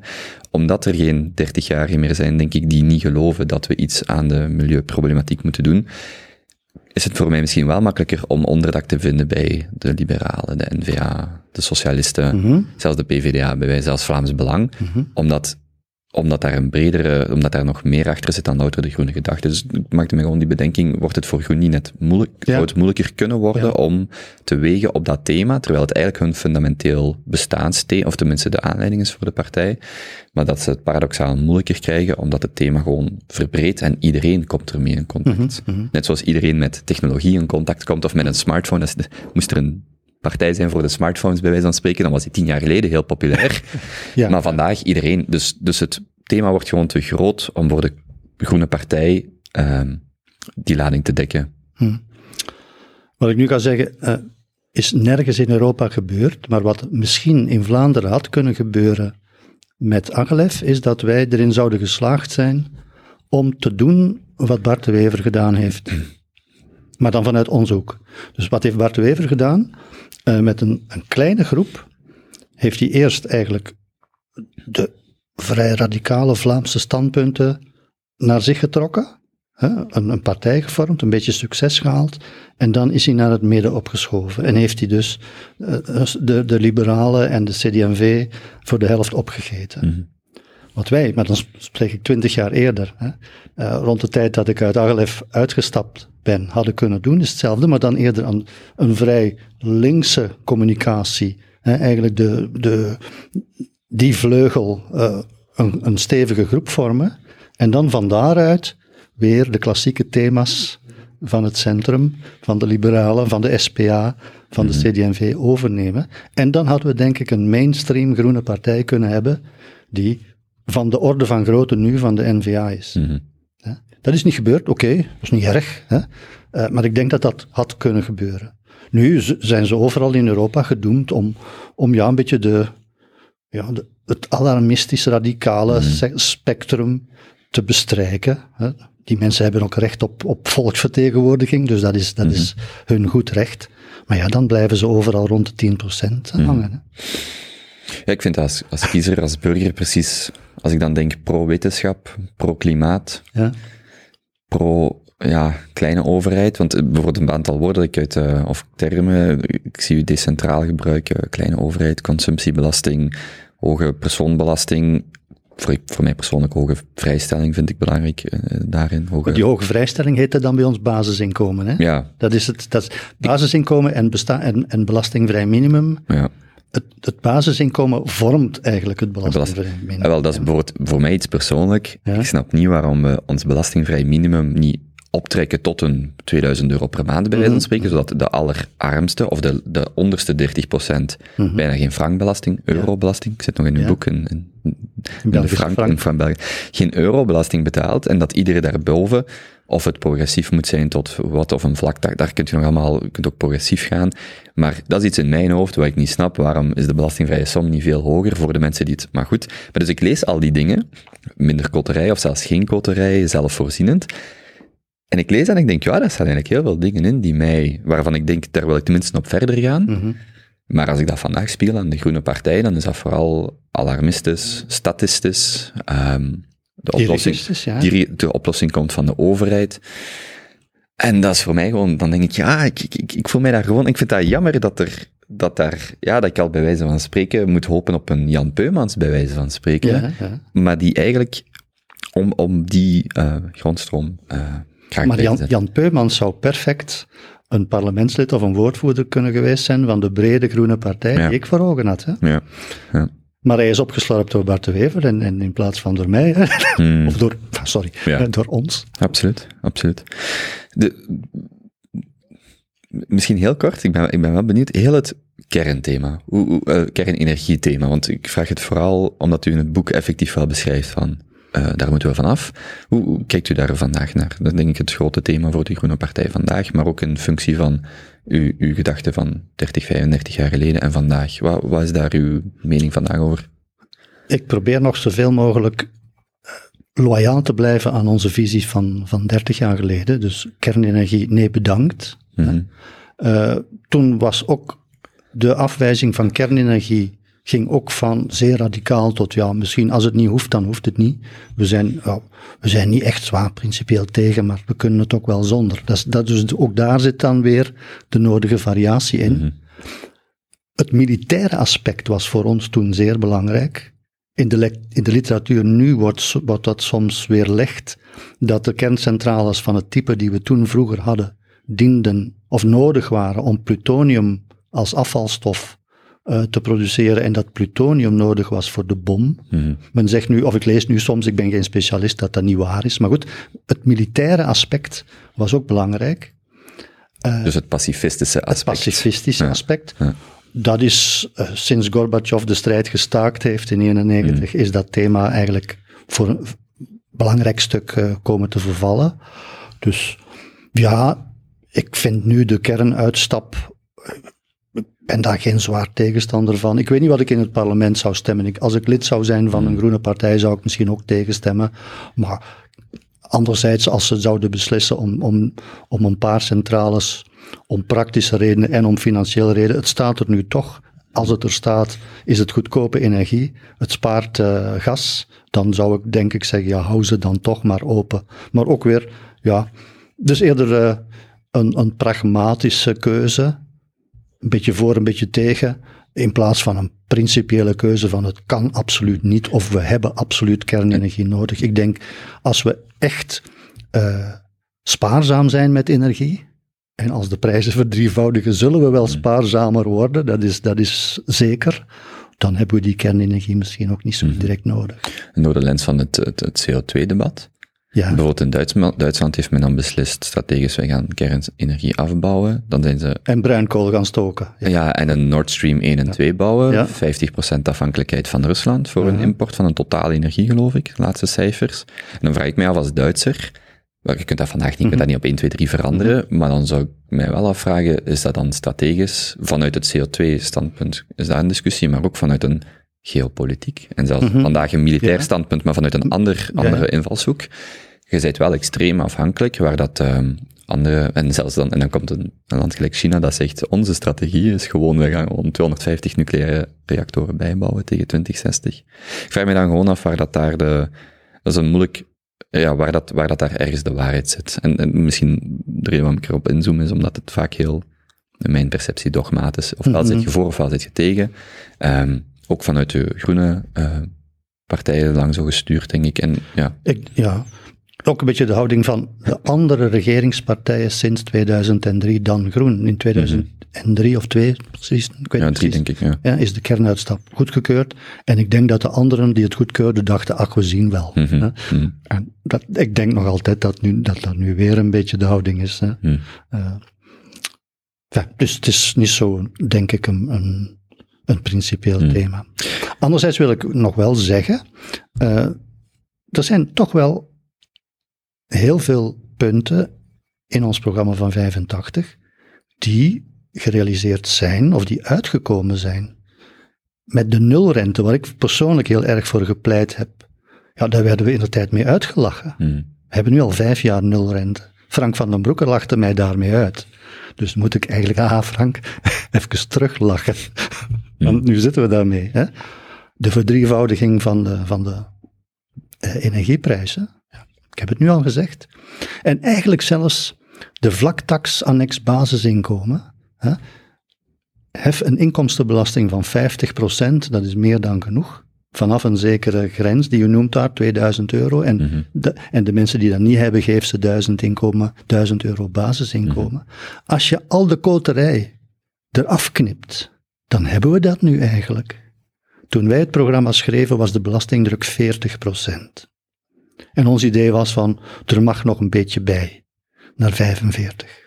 Nu zitten we aan 47. Mhm. Dus met hetzelfde programma zou ik nu zeggen, ja, laten we maar een paar procent zakken. Mhm. Eh, dus we, we waren niet voor. we- de, de huidige voorstanders van de vlaktax, als ik het mag zeggen, de rechtse voorstanders van de vlaktax, zijn voorstander van een, een belastingdruk van 25 procent. En dan moet een heleboel sociaal, dan moet het hele sociale correctie van de economie afgebouwd worden. Ons idee was een, vla- een hoge vlaktax van 50 procent om de sociale correctie nog een beetje te, te versterken. Hè? Nu zitten we met een staatsbeslag van 56 procent. Ja, nu zitten we misschien, zijn we een beetje van het goede te veel. Dus nu, nu zou ik... Ik heb tegen Jean-Marie de Dekker gezegd trouwens, en Jean-Marie de Dekker is eerder zo'n voorstander van de rechtse vlaktax. Zeg ik, Jean-Marie, ik zou met jou perfect twee termijnen in de regering kunnen zitten. En dan gaan we de belastingen verminderen van 47 procent naar, naar, naar 40 procent.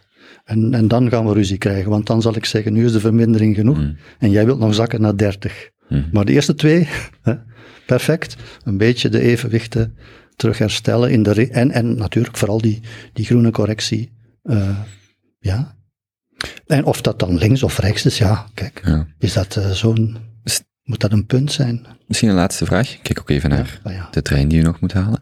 Ehm, staan we vandaag waar u toen gehoopt had dat we stonden, hoe, dat we zouden staan? Hoe ver staan we er al niet vanaf?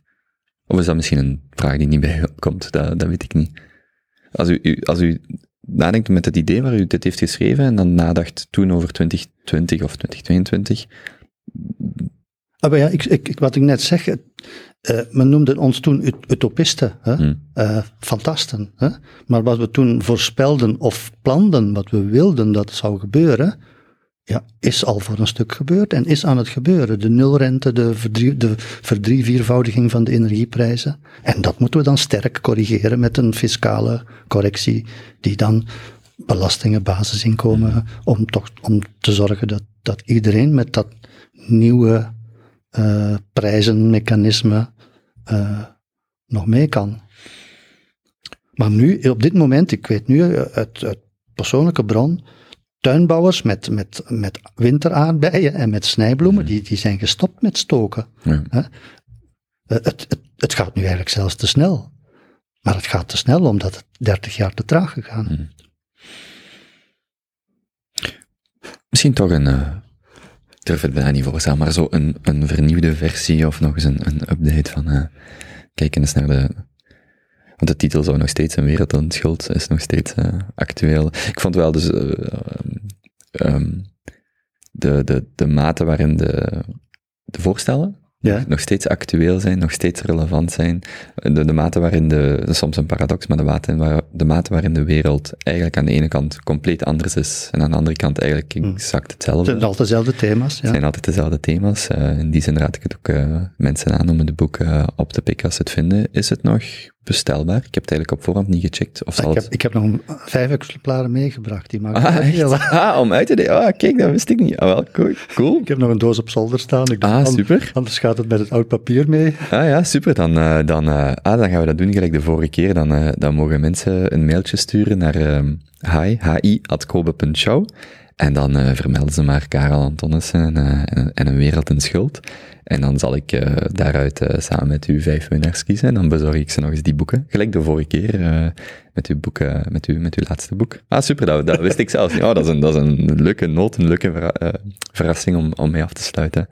Ehm, is er iets wat ik nog moet vragen, wat, ik, wat u nog wilt meegeven of wat nog op uw hart ligt? Hebben we alles zo wat, hebben we alles wat. Ik zou zeggen, altijd welkom voor, voor, een, ehm, ja, voor, een, voor een derde babbel dan, een daggeval. Ja, ik ben sowieso al vereerd dat ik al twee keer mocht komen bij u. Hè? Kijk, ik vind het wel, ik vind het eh, altijd heel leuk. Ik vind het altijd eh, leuk om zo een eh, stukje ook eh, de geschiedenis in te duiken en eh, dingen bij te leren die ik, eh, ja, die je anders niet zo snel te weten komt. Voor, ik heb zo het gevoel voor een deel luisteraars zal, oudere luisteraars zal wat u zegt allemaal heel warm en herkenbaar klinken en oh, daar was ik bij. En dan voor een deel luisteraars als mij zo, oh ja, ik moet alles goed nadenken wie Paul Goossens of Mark Eiskes, waar ik die weer ben tegengekomen. Oud-strijders. Oudstrijders, voilà, voilà. Ehm, dan, Karel, ga ik u hartelijk bedanken. Ja, en tot een volgende keer. Merci.